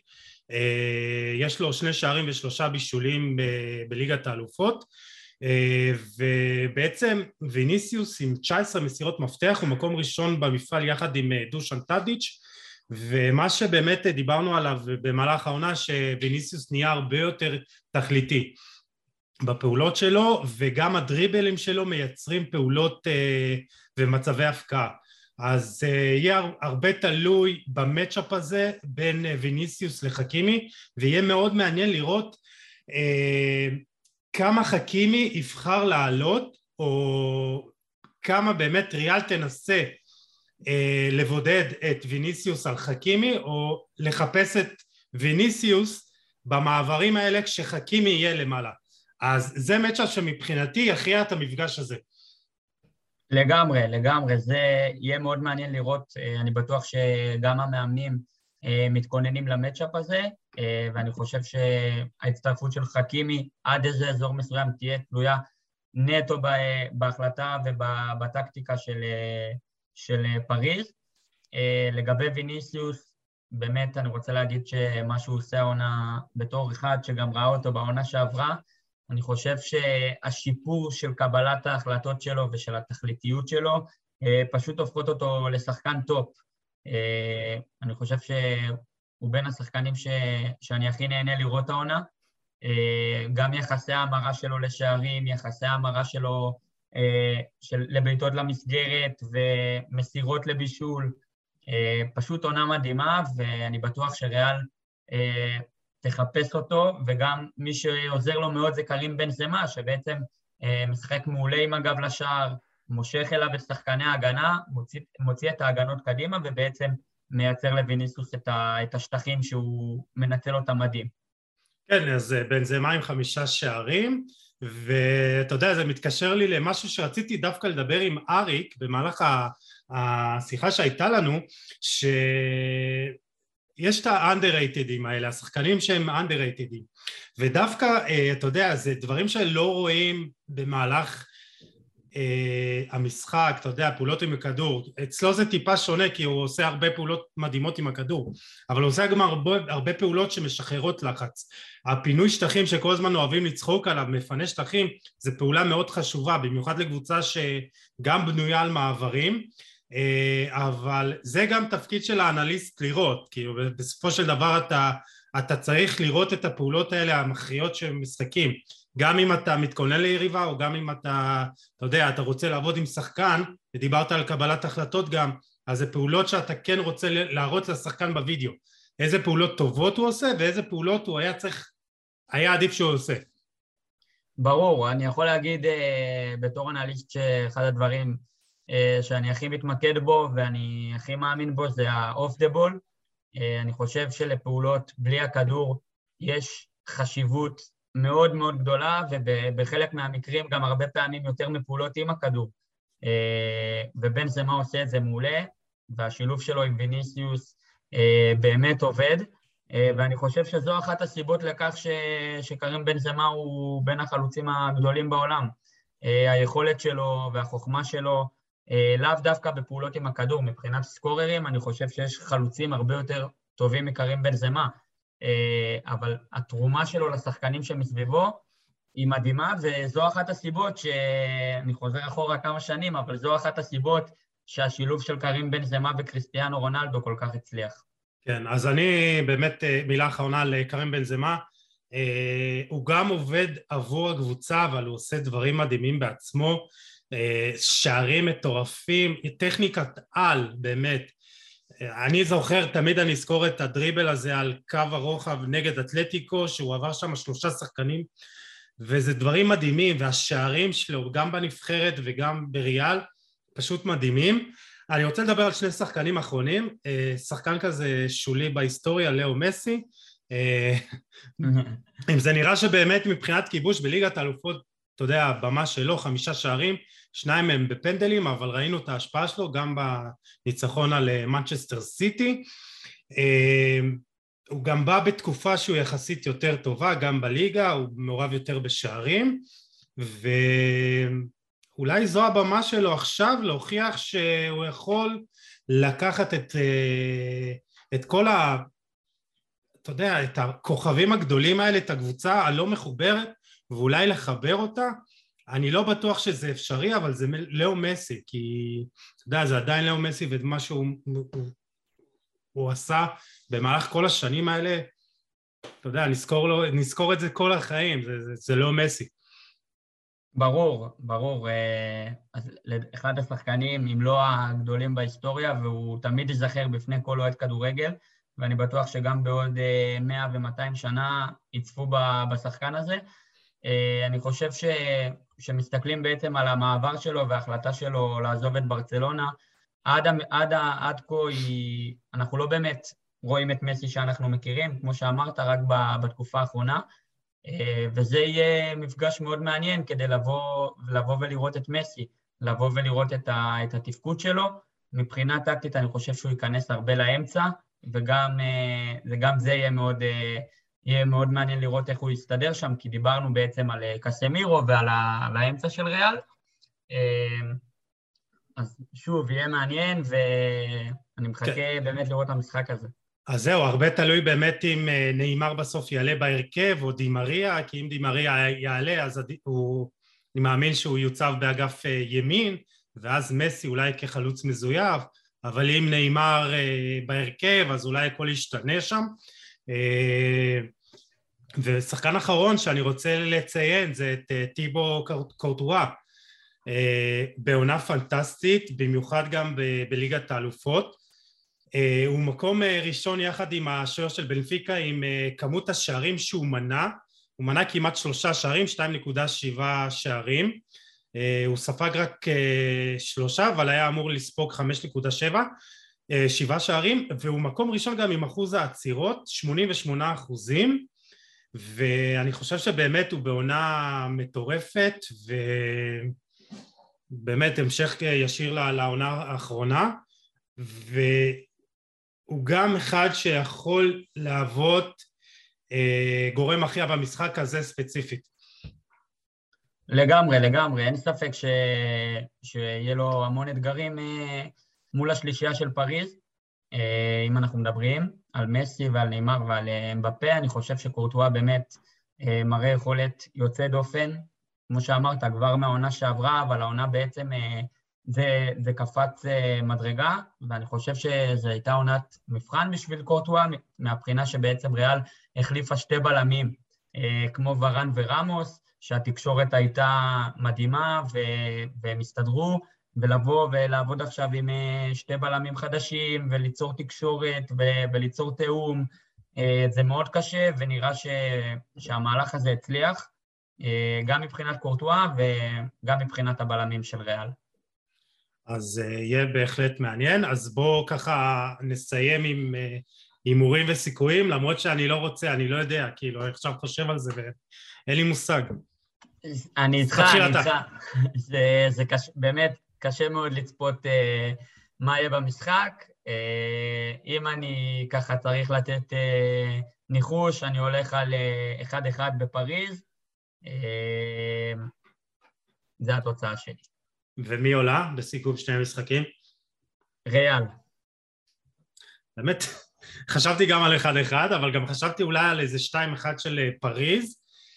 אה, בואו נלך על משהו שונה, 2-1 פריז, ופריז עולה בזכות אה, מסי. אני לא אהיה מופתע משום אה, שום דבר שיקרה. כן, אה? אז טוב, אנחנו באמת מחכים למשחק הזה, וזה באמת משחק שאין מה לעשות, כאילו, כולם יראו את זה, אבל יש גם משחק לא רע בכלל במקביל, ספורטינג ליסבון נגד מנצ'סטר סיטי, וזה משחק שהוא, אתה יודע, על פניו כזה, כולם אומרים... יהיה מאוד מעניין, כאילו מנצ'סטר סיטי זה מנצ'סטר סיטי, די משחק קל, אבל uh, אתה יודע, אסור לזלזל בספורטינג. אה, אסור לזלזל בספורטינג שעושה באמת uh, עונה מדהימה, אסור לשכוח גם שהיא הצליחה, הצליחה לעלות מבית שכלל את אייקס ודורטמונד, uh, כולל ניצחון על דורטמונד שבעצם העניק לה את העלייה לשלב הבא. אה, מבחינת אה, סיטי אני בטוח שיהיה לה משחק לא קל בליסבון, אה, אבל סיטי איכותית יותר, אני חושב שהיא גם תחזיק בכדור הרבה מאוד מהזמן, ובעצם תקשה מאוד על ספורטינג לייצר את המשחק שלה. ואיש המפתח שלי בהתמודד...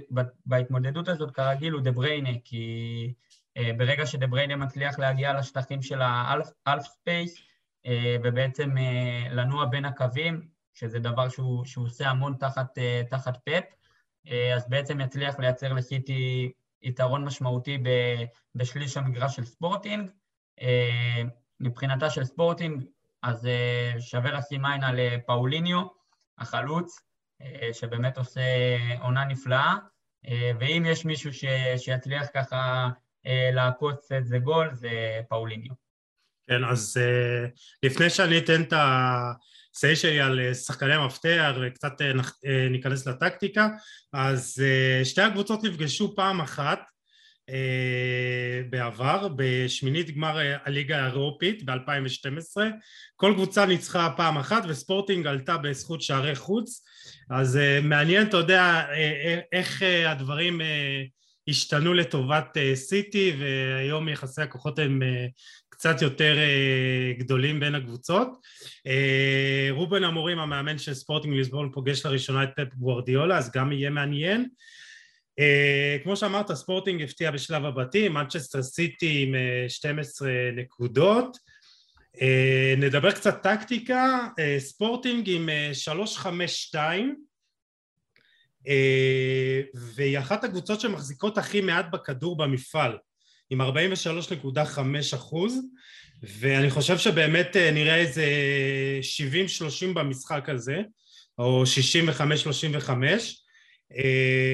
וסיטים, אתה יודע, אני רוצה להגיד מערך, אבל זה תמיד כאילו על תקן המלצה בלבד, זה כזה 4-3-3, אבל זה גם משתנה במהלך הגנה והתקפה, ופפ תמיד אוהב להפתיע, ולפעמים אחד המשחקים האחרונים פתאום אני רואה קו 6 בהתקפה.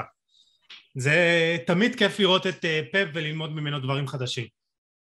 כן, אז uh, אני חושב שמה שיפה אצל פפ גוורדיולה, ואנחנו רואים את זה uh, אצל סיטי העונה, זה החילופי מקום של השחקנים, בעיקר בהתקפה, אתה אף פעם לא באמת יודע לאן השחקנים uh, חילופי המקום שהם מבצעים במהלך המשחק השוטף, הם, הם קורים בתדירות מאוד גבוהה. Uh, תוסיף לזה קישור של גונדוגן, דה בריינה ורודרי, שבעצם מאפשרים לפפ את. את ההחזקה בכדור. אה, אין לי ספק שסיטי גם אה, תלחץ גבוה באזורים במגרש, היא יודעת לעשות את זה, שהיא יוצאת אה, גבוה והקבוצה בעצם מאוד קומפקטית וסוגרת את, את שטח המגרש ומקטינה אותו עבור היריבה. מבחינה התקפית, אני חושב שהסיבה שבעצם פודן משחק את החלוץ המדומה היא בעצם כדי, כמו שדיברנו על בן זמה, אנחנו רואים את זה הרבה, יורד נמוך לאזורים, אה, אה, לאזורים נמוכים במגרש, מושך איתו את שחקן ההגנה, אה, ובעצם מה שמפנה את השטחים לחיתוכים של סטרלינג, של מאחרז, אה, והעומק של סיטי. אה, פשוט כיף לראות את אה, מנצ'סטר סיטי. אין לי מילה אחרת לתאר את זה. לגמרי, ובאמת אה, פפ יהיה לו קצת כאב ראש במשחק הזה, כי גם uh, סטרלינג עם uh, שלושה במשחק האחרון מול, כן, שלושה מול נוריץ', ויש לו את ריאד מאחז עם חמישה שערים, והזכרת את פודן, ויש לו את דה בריינה ואת את, ברנרדו סילבה, שאתה יודע, נותן לו הרבה כוח והרבה יכולת להניע כדור באמצע.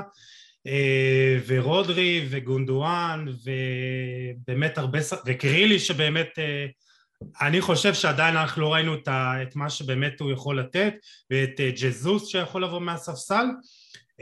ובאמת מה שמעניין בסיטי שאחד, שחקן המפתח שלה הוא ז'ואר קונסלו קונסלו שבאמת הוא, הוא מניע כדור ואתה רואה אותו במסירה אחת יכול לשבור לך קווי הגנה.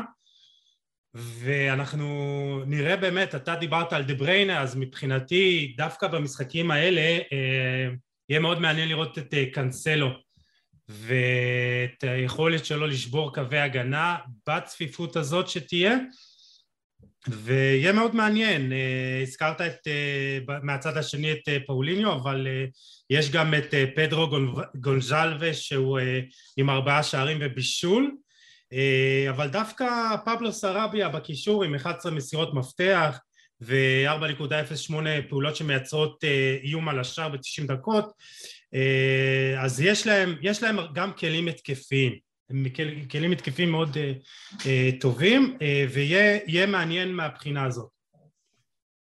יהיה מאוד מעניין, אני חושב שספורטים, כמו שאמרתי, באמת, היא קבוצה מאוד אטרקטיבית, ופבלו סטרביה הוא, הוא עושה שם עונה מדהימה, אבל עוד פעם, אני חושב שהאיכות של סיטי תכריע את המשחק, ולגבי קאנסלו, באמת עונה, עונה מדהימה, אני חושב, שהתפקוד שלו אה, במערך אה, והיכולת ההתקפית שלו יוצרת לסיטי עוד אופציות מסירה בהתקפה, מפנה שחקנים אחרים, וכמו שאמרת, אלמנט מאוד חשוב, שבירת קווי הגנה במסירה ובעצם קידום המשחק, זה דבר שבדרך כלל לא מקבלים ממגן רגיל, אה, והיכולת שלו לעשות את זה היא פנומנלית, והוא יהיה שחקן עיקרי להמשך הדרך של סיטי בליגת האלופות.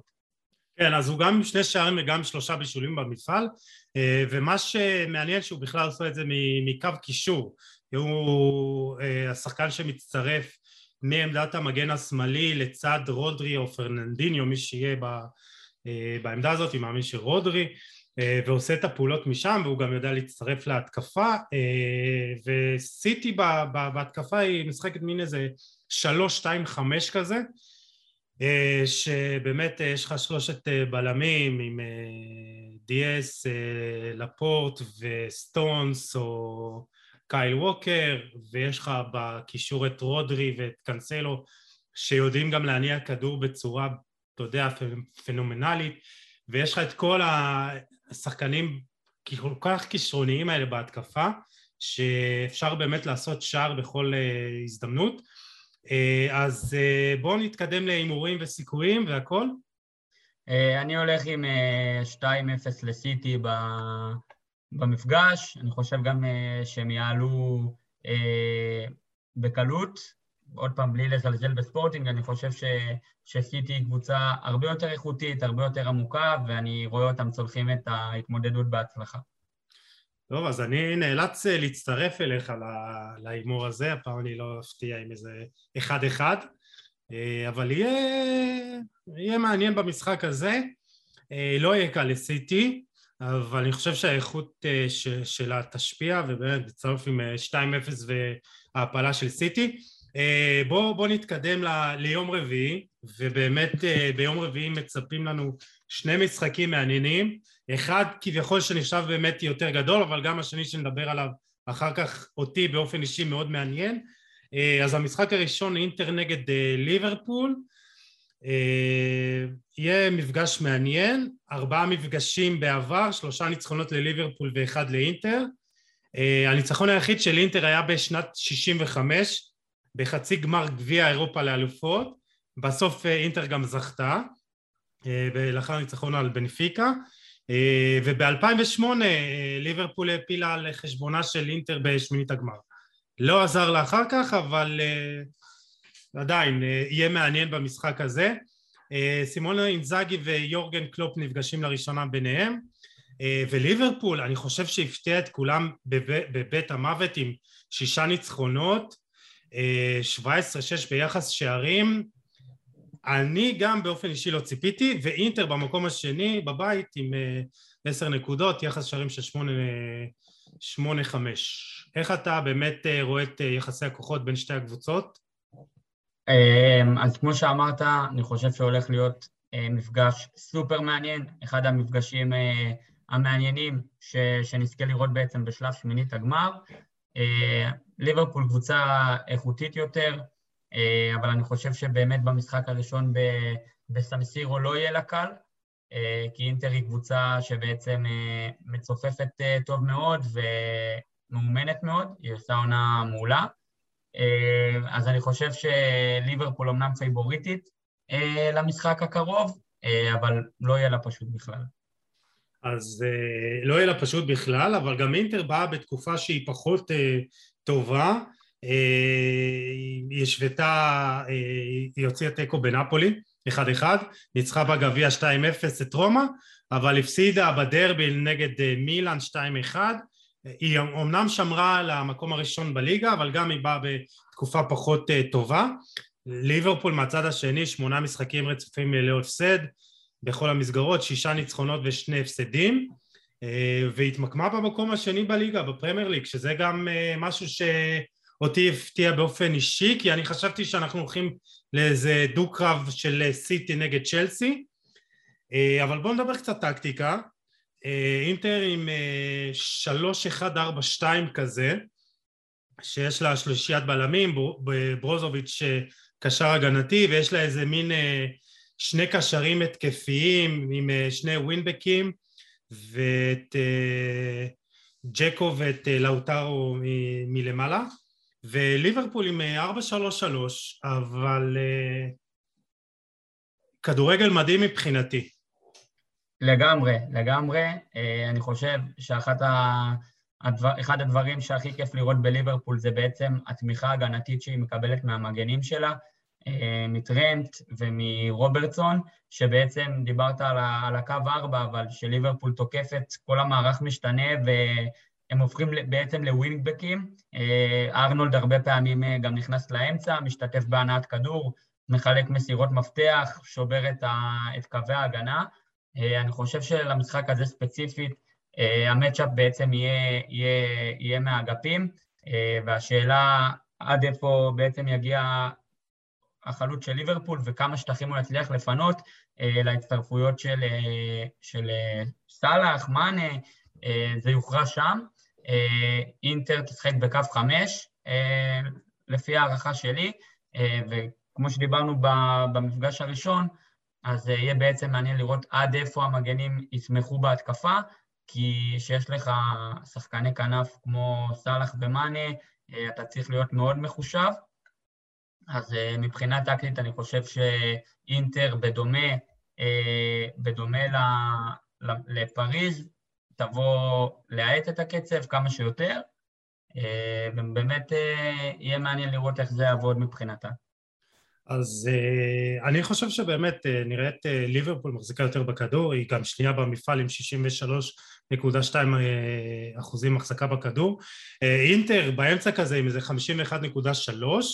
uh, אבל אינטר היא גם הקבוצה שבועטת הכי הרבה לשער במפעל, 119 פעמים, יש לה XG של 12.4, אבל היא כבשה רק שמונה שערים, ופה זה משהו שבא לרעתה העונה. כי מלבד שכתרי הקבוצה עם ההפרש הכי גבוה בין השערים שהיא כבשה לבין מה שהייתה אמורה לכבוש אה, אבל היא מגיעה קרוב לשער, היא באמת, היא כן מנסה וכן אה, בועטת לשער אה, וליברפול גם בועטת הרבה 105, 105 פעמים אבל היא הרבה יותר יעילה, 4.4 שערים יותר ממה שהייתה אמורה לכבוש בפועל. אז רואים גם את האיכות פה בהתקפה של ליברפול. ופה יש לנו גם אה, שני שחקנים שמתווספים אה, כביכול למשוואה הזאת של, אתה יודע, השלישייה הבלתי נגמרת של ההתקפה של סאלח, מאנה ופרמינו ושני שחקנים שאני רוצה לתת עליהם את הדגש כרגע זה דיוגו ז'וטה, פשוט, אתה יודע, הוא נפלא. אה, יש לו חמישה שערים ובישול אחד בארבעת המשחקים האחרונים של אה, ליברפול, והוא כל כך מגוון, הוא יכול לשחק גם את החלוץ באמצע, החלוץ המזויף הזה של קלופ, הוא גם יכול לשחק באגף. אה, יש לו 12 שערים בפרמייר ליג, והוא כבש חמישה שערים ברגל שמאל, ארבעה עם ימין ושלושה עם הראש, ואם אתה מסתכל על מפת החום שלו, באמת אתה מקבל חום, כי הוא בכל מקום על המגרש. כן, אז uh, קודם כל אני חושב שהנקודה שנגעת בה, uh, הוורסטיליות שלו והשימוש שלו בשתי הרגליים, uh, זה היתרון הכי גדול שלו, כי הוא בעצם מאפשר לעצמו לשלוט במגן שלו, שהוא מגיע לאזורים המסוכנים במגרש. ההשתלבות שלו בליברפול היא מדהימה, ואני חושב שהוא בעצם, גם בתקופה האחרונה, שגם מאנה וגם סאלח היו באליפות אפריקה ולא, ולא היו חלק מהמשחקים של ליברפול, ועדיין ליברפול אה, הצליחה, כמו שאמרת, לשמור על, על רצף המשחקים ללא הפסד ולהתברג במקום השני. אני חושב שלדייגו ג'וטה יש חלק מאוד מאוד גדול בזה. אה, רק במשחק האחרון מול אסטר הוא גם כבש צמד, אה, והוא יהיה, יהיה גורם מאוד משמעותי, בהנחה גם שסאלח ומאני יקבלו שמירה מיוחדת ויחס מיוחד מאינטר. אמ, לגבי אינטר מאוד יהיה מעניין לראות את התפקוד של ברוזוביץ', כי לברוזוביץ' יהיה... אני מאוד אוהב אותו, אני באמת מאוד אוהב אותו. אני חושב שהוא אחד הקשרים האנדררייטדים באירופה. אה, הוא מאוד מרגיש נוח עם הכדור, באמת. והוא גם קשר הגנתי טוב, אבל הוא גם משחרר לחץ ומניע את הכדור בצורה נפלאה. לגמרי, אז הוא בהנעת כדור של אינטר, אה, הוא המון פעמים יורד, נכנס בין הבלמים, והוא בעצם זה שמווסת את המשחק אה, בבילדאפ של אינטר. מבחינה הגנתית גם, אני חושב שהוא, שהוא עושה עבודה מדהימה, וביחד עם ברלה, שלדעתי הוא גם אה, אה, שחקן מעולה, ושחקן שתהיה לו, לו חשיבות מאוד גדולה ולתפקוד שלו במפגש מול ליברפול ולאינטנסיביות של ליברפול. ובאמת יהיה, יהיה מעניין לראות איך אה, אינטר תצליח להתמודד עם, ה, עם השלישייה התקפית של ליברפול, אה, וגם לברוזוביץ' יהיה תפקיד מאוד משמעותי בעניין הזה. אז uh, הזכרתי מקודם את uh, דיוגו ז'וטה, אבל מי שמצטרף גם אליו וגם uh, גורם ליורגן קלופ להיות כאבי ראש זה לואיס דיאס, שמצטרף לסגל uh, של ליברפול בליגת האלופות. ואני חושב שהוא לאט לאט משתלב ולאט לאט גם מראה מה הוא יכול לתת. אה, מה שאני אוהב בו זה שהוא בנוסף לדריבל שלו, האיכותי, הוא גם אה, שחקן שמאוד אוהב ללחוץ, ואנחנו רואים את זה, וגם במשחק האחרון הוא גרם לאיזה חטיפת כדור, אה, ואני חושב שזה גם אחד הדברים שגרמו לליברפול להביא אותו, כי ליברפול למרות שזה מפתיע, היא לא, היא לא לוחצת הרבה גם בגלל שהיא מחזיקה יותר בכדור, אבל היא לוחצת מאוד אפקטיבי, ויחד עם סביליה היא הקבוצה שלוחצת הכי טוב, 36.2% מהפעולות שלה היא אפקטיביות, מפעולות הלחץ שלה הן אפקטיביות, ולואיס דיאז גם נותן לה, לקלופ, את האפשרות ללחוץ גם גבוה וגם אה, אה, בצורה אפקטיבית, וזה משהו שלא תמיד, אתה יודע, אמרנו על הפעולות עם הכדור, אז ישר אומרים דיאז עם דריבל מדהים, אבל יש לו גם עבודה הגנתית והוא גם עוזר בפעולות הלחץ האלה. אה, אז כמובן יש את אה, מאנה ואת מוחמד סאלח עם שבעה שערים, אתה יודע, לא הזכרנו אותו אבל זה מיותר, הוא בעונה מדהימה. אה, שחקני מפתח נוספים דווקא אצל אינטר זה אדין ג'קו שהוא מלך השערים של אינטר במפעל עם שלושה שערים ובישול. אה, אבל גם צריך לשים לב על הקאן שאתה יודע רכש מדהים של אינטר בא בחינם אבל הוא עם 5.19 מסירות מפתח ל-90 דקות שזה נתון מדהים לכל הדעות. אה, ואני חושב שבאמת אה, נראה משחק שהוא אה, שליברפול מחזיקה בכדור, מניעה ואינטר מחפשת לעשות את המעברים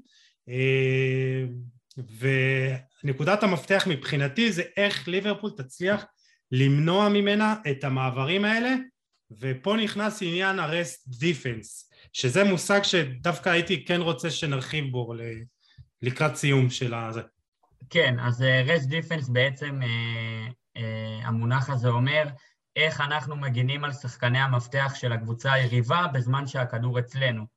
Uh, ובהנחה שבזמן שליברפול תתקוף, אז בעצם יישארו uh, לאוטרו וג'קו uh, מול, אני מתאר לעצמי ששלושה שחקני הגנה, ובעצם המטרה של אינטר תהיה ברגע שהיא תחטוף את הכדור ותצא למעבר, לשחק על, ה, על, על שתי השחקנים האלה.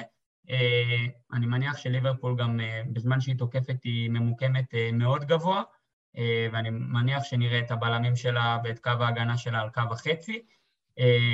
אני דווקא חושב ש, שנקודת המפתח תהיה גם בעניין הזה, אבל גם באיך ליברפול תצליח למנוע את ההצטרפות של פרישיץ' ודומפרייז מהאגפים בזמן התקפות המעבר, כי דיברנו על זה שליברפול מאוד מאמינה בהצטרפות ובתמיכה של המגנים שלה, אה, וה rest defence יהיה נקודה מאוד מאוד מעניינת ומאוד מאוד חשובה, אה, ואני מאוד מחכה לראות איך ליברפול אה, מתכוננת לזה.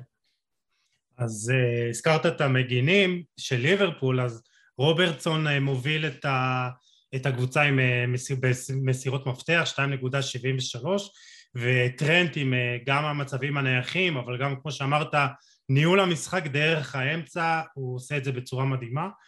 אה, ובאמת אנחנו, יהיה מאוד מעניין לראות אם אה, ליברפול תמשיך להיות יעילה בהתקפה, אבל גם לעצור את אינטר במעברים, כי אינטר יודעת אה, להגיע לשער. נתקדם להימורים סיכויים? אז אני הולך על 2-1 לליברפול, והיא זאת גם לדעתי שתעפיל לשלב הבא. אז אני אלך על 2-0 לליברפול. אה, יש משהו בליברפול העונה שאני כל הזמן מופתע, אבל אני חוזר על זה, שמאוד מפתיע אותי לגבי ליברפול, ואני חושב שהעונה יכולה גם ללכת קצת יותר, היא יכולה להגיע חצי גמר אפילו, לפי דעתי, אה, ויהיה מעניין גם אם היא תפגוש בשלב הבא אם היא תעלה, אבל אני, כן, אני גם אומר 2-0 ליברפול והיא עולה. Uh, נתקדם למשחק האחרון, גם משחק שאמרתי שאתה יודע, אני לפי דעתי הולך לראות אינטר ליברפול, אבל רדבול זלצבורג נגד ביין מינכן יהיה מעניין לא פחות, uh, ואני אגיד לך למה. קודם כל רדבול זלצבורג העפילה לשמינית גמר האלופות לראשונה מאז שהיא באמת במפעל הזה. היא הקדימה את סביליה, סיימה במקום השני עם עשר נקודות, שלושה ניצחונות, תיקו ושני הפסדים, וביין מינכן מהצד השני מושלמת עם 22-3 ביחס שערים, אז יהיה מאוד מעניין. יהיה מאוד מעניין. גם כי ביין מגיעה אחרי הפסד 4-2 לבוכו ויש לה שני הפסדים בחמשת המחזורים האחרונים אה, בליגה אז יהיה מאוד מעניין עד כמה היא תבוא כועסת בוא נגיד ככה כי תמיד יש לה איזו תחושה כזאת של הפסד נותן לה איזה כאפה כזאת ומאיר אותה אבל רדבול זלצבורג אה, היא קבוצה מאוד מעניינת ועוד מעט אני ארחיב אה, קצת יותר אה, אז כן, אז אני חושב שדווקא הנקודה שדיברת עליה אה, לא עושה טוב לרדבול זלצבורג. אני חושב שברגע שביירן מגיעה אחרי הפסד, אה, אפשר לקרוא לזה משפיל, כי התוצאה במחצית הייתה 4-1, אז אני חושב שהם יבואו באמת לכפר על המשחק שהיה. אין ספק ש... שהיא הקבוצה האיכותית יותר, ו... ולראות את הקבוצה הזאת משחקת אה, זה באמת, אה, באמת הנאה גדולה.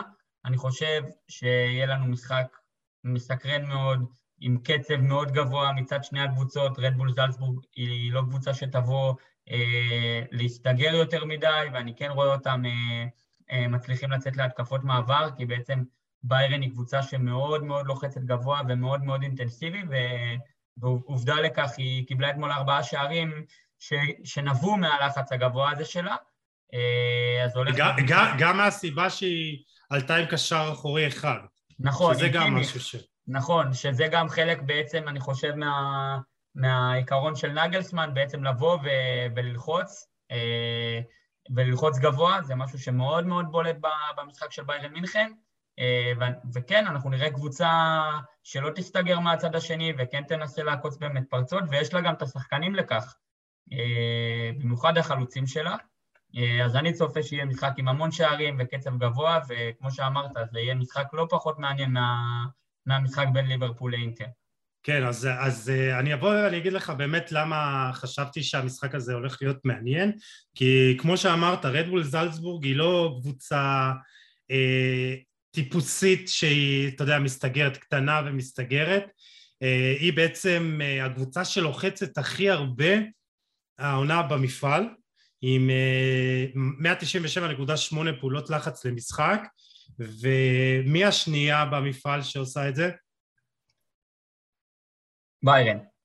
לא, ארבי לייפציג, שזה מצחיק, כי אתה יודע, זה פשוט כמו איזה בית ספר, אתה מתחיל בלי... אה, בזלצבורג ואז עולה ללייפציג, אז באמת אה, גם שתיהן מחזיקות פחות או יותר אה, בכדור אותו דבר, רדבול זלצבורג 49.5 וגם מה שמצחיק שאחוז הפעולות המוצלחות של שתיהן הוא זהה 30.7 אז כמו שאמרנו באמת הלחץ אנחנו לא נראה את זלצבורג נשארת מאחור ואתה יודע מאוד מחכה למעברים. אנחנו כן נראה משחק פתוח יותר. רדבול אה, זלצבורג עם כלים התקפיים מדהימים, עם אה, קרים אדיאמי עם שלושה שערים ובישול במפעל, הוא בדרך לדורטמונד ודי סגור העניין, אה, אז יש לו מין איזה דרבי פרטי כזה כרגע, זה משהו שאפשר לשים לב אליו. לגמרי, ויהיה באמת מעניין לראות אותו מתמודד ברמות האלה של, של שחקני ההגנה של ביירן מינכן. ספציפית לגביו, אני באמת חושב ש... שהוא עושה עונה מדהימה, ו... והמעבר לדורטמונד הוא המעבר שיהיה נכון עבורו. אה, כי, כי גם היה אה, דיבור על התעניינות מצד ברצלונה בעבר, אני לא יודע עד כמה זה היה רציני, אבל בשבילו זה מעבר הכי טוב שיכול להיות. ברור, ברור. אני גם שמעתי על ההתעניינות של ברצלונה, אה, ואני חושב באמת שאם הוא היה עובר לברצלונה בשלב כזה של הקריירה, אה, זה לאו דווקא היה המעבר הנכון, כי הוא שחקן שמאוד אה, מהיר עם הכדור ומאוד יודע לתקוף שטחים ולנצל נכון. שטחים, ובליגה הגרמנית הוא ייתקל בהרבה יותר סיטואציות כאלה, כי גם אופי, אופי המשחק בליגה הזאת הוא הרבה יותר פתוח והקצב הרבה יותר גבוה מאשר בליגה הספרדית. אז אני חושב שבאמת מעבר לדורטמונד, כנראה במקומו של אהלנד שיעזוב, יהיה טוב עבורו. אז בנוסף לידיהם יש לך את נוח אוקפור, החלוץ, השוויצר בן 21, גם עם שלושה שערים, אבל דווקא אני רוצה לשים אה, דגש קל על אה, שני קשרים, אה, על שני שחקנים אחרים, האחד קשר אחורי, מוחמד קמרה,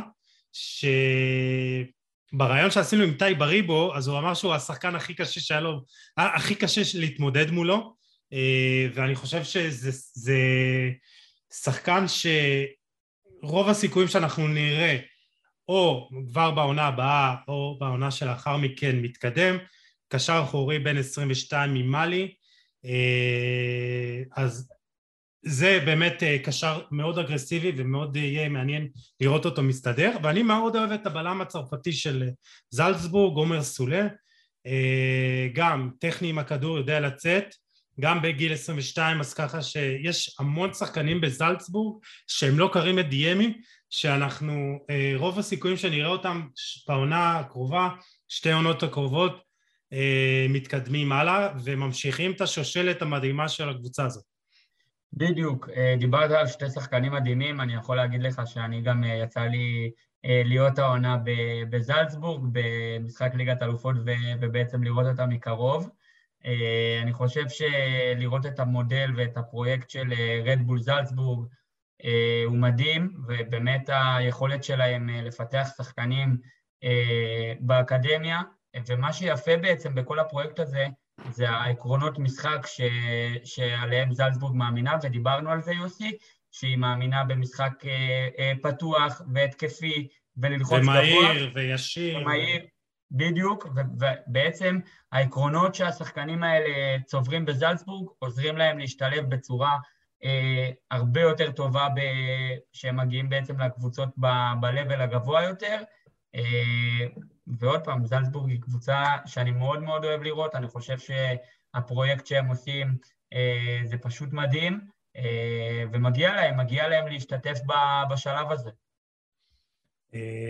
כן, אבל עדיין יש את בייר מינכן, ובייר מינכן היא קבוצה קצת יותר טובה, ובאמת עם כל האהבה שיש לי לקבוצה של זלצבורג, ולשחקנים, ולסגנון המשחק, ולפתיחות, ולפרויקט, אני חושב ש... נסכים שנינו שבאמת אם זה לא ייגמר באיזה יחס שערים אולי לא במשחק הראשון אבל גם כן במשחק הראשון יש אפשרות לאיזה 3-0 כזה קליל אה, של ביירן. אה, ואתה יודע יש לה את אה, החלוץ הכי טוב בעולם בשנים האחרונות רוברט לבנדובסקי העונה עם תשעה שערים בליגת אלופות שני בישולים. אבל גם עם לירוי סאנה עם חמישה שיעורים בארבעה בישולים אבל כל כך הרבה כלים התקפיים, סרג' גנברי אה, מייצר כל כך הרבה ויש לה כאילו חבל, אתה יודע, כל שחקן אתה יכול לעשות עליו פודקאסט שלם. ברור.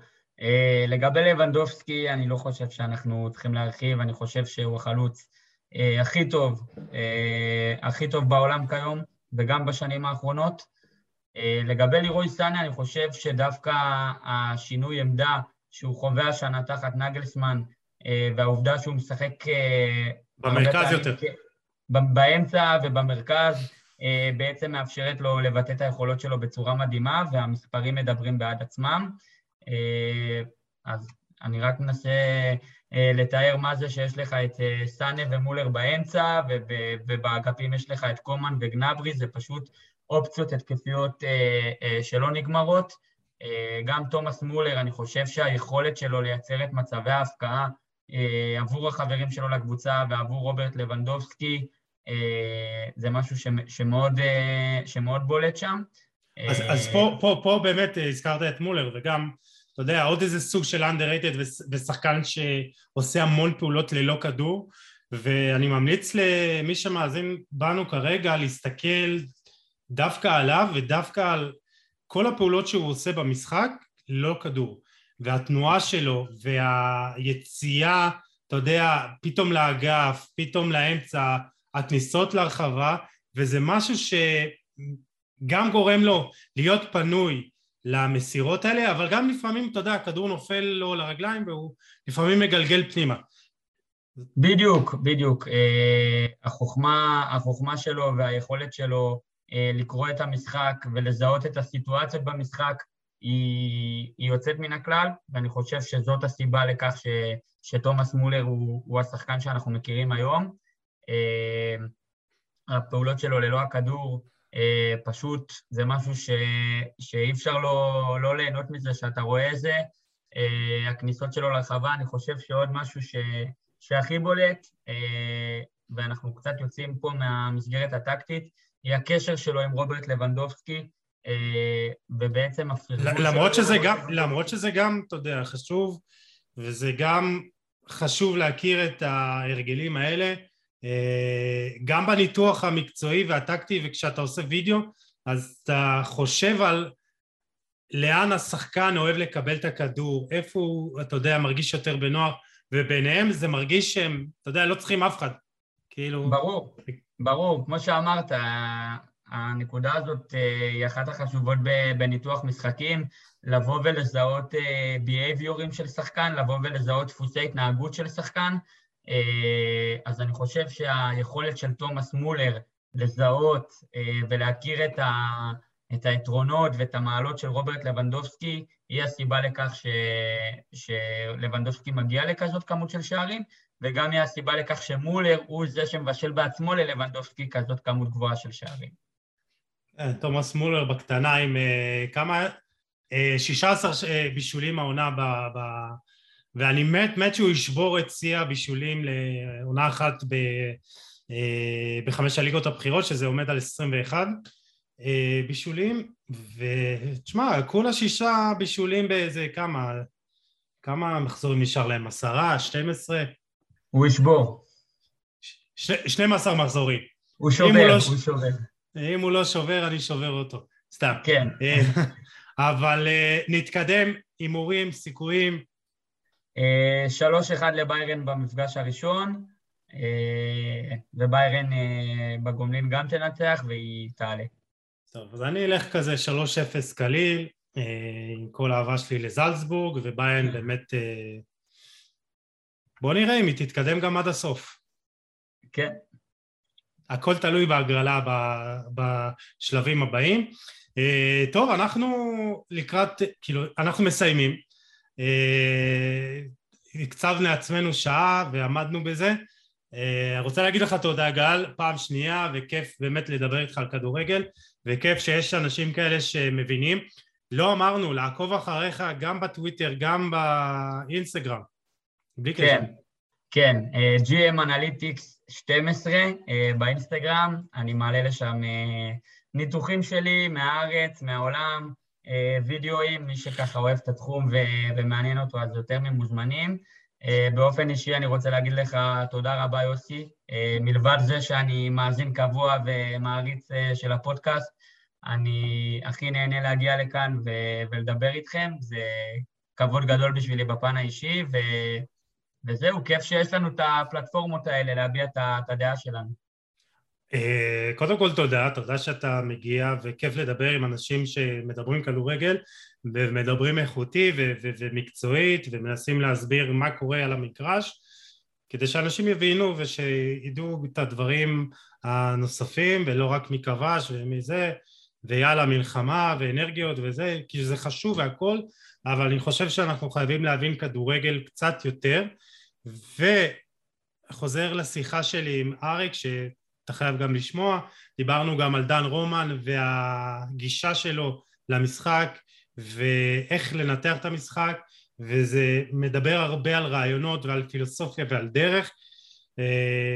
ולחשוב על המשחק בצורה קצת יותר עמוקה ומורכבת ובאמת לחשוב איך הדברים נעשים בפועל ואני מאוד מתחבר לגישה הזאת. אה, גישה שיותר, אה, אה, היא פחות פשוטה אבל הרבה יותר מעמיקה ו... וכיפית לפי דעתי. ברור, אז אנחנו חוזרים לקורס, אני חושב שהקורס בעצם מלמד אותך להסתכל על המשחק בצורה שונה, ולנסות ולהסתכל על דפוסים אחרים. אני יכול להגיד לך שאני זוכר שבשיעור הראשון של הקורס, דן בא ואמר לנו שיש 22 שחקנים על המגרש, הכדור הוא כל פעם אצל שחקן אחד בלבד, ו- וזאת הסיבה שרוב המשחק ועיקר המשחק הוא לא איפה שהכדור, הוא איפה שלא הכדור, ואני באמת חושב שדן ואריק אה, עשו קורס מדהים, אה, ואני באמת ממליץ לכל מי ש- שהתחום מעניין אותו ללכת ולהרחיב את הידע, לאו דווקא בשביל אה, לעסוק בתחום, מי שלא מעוניין. אה, מי שאוהב כדורגל ואוהב את המשחק ורוצה לקבל זווית נוספת וידע נוסף, אה, ממליץ בחום. כן. מצטרף לכך, יש באמת אנשים אה, מדהימים ומרצים כיפים וחבר'ה אז אם אתם באמת רוצה להזכיר לכם את שיתוף הפעולה עם קמפוסיים וסקילס לגבי קורס אנליסטים בכדורגל שנפתח ב-28 לשני אם אתם רוצים פרטים לגבי הקורס, אם אתם רוצים אפילו להתייעץ למה, כמה, אז אתם מוזמנים לפנות בהודעה פרטית בדף או בפלטפורמות השונות אה, או פשוט להיכנס לדף הפייסבוק, לאתר של קמפוסים ושל, או של סקילס אה, ויחזרו לכם, אנחנו באמת אה, נהנינו. גל, תודה רבה. תודה לך, תודה לך יוסי. אנחנו ניפגש גם בהמשך לעוד פרקים, אל תדאג. ואנחנו ניפרד מהמאזינים והמאזינות, תודה שהייתם איתנו. אתם מוזמנים לשתף, לתייג ולהאיר את עינינו. אנחנו ניפגש בפרק הבא עם עוד תוכן מעניין ואיכותי. תשמרו על עצמכם, יאללה, ביי.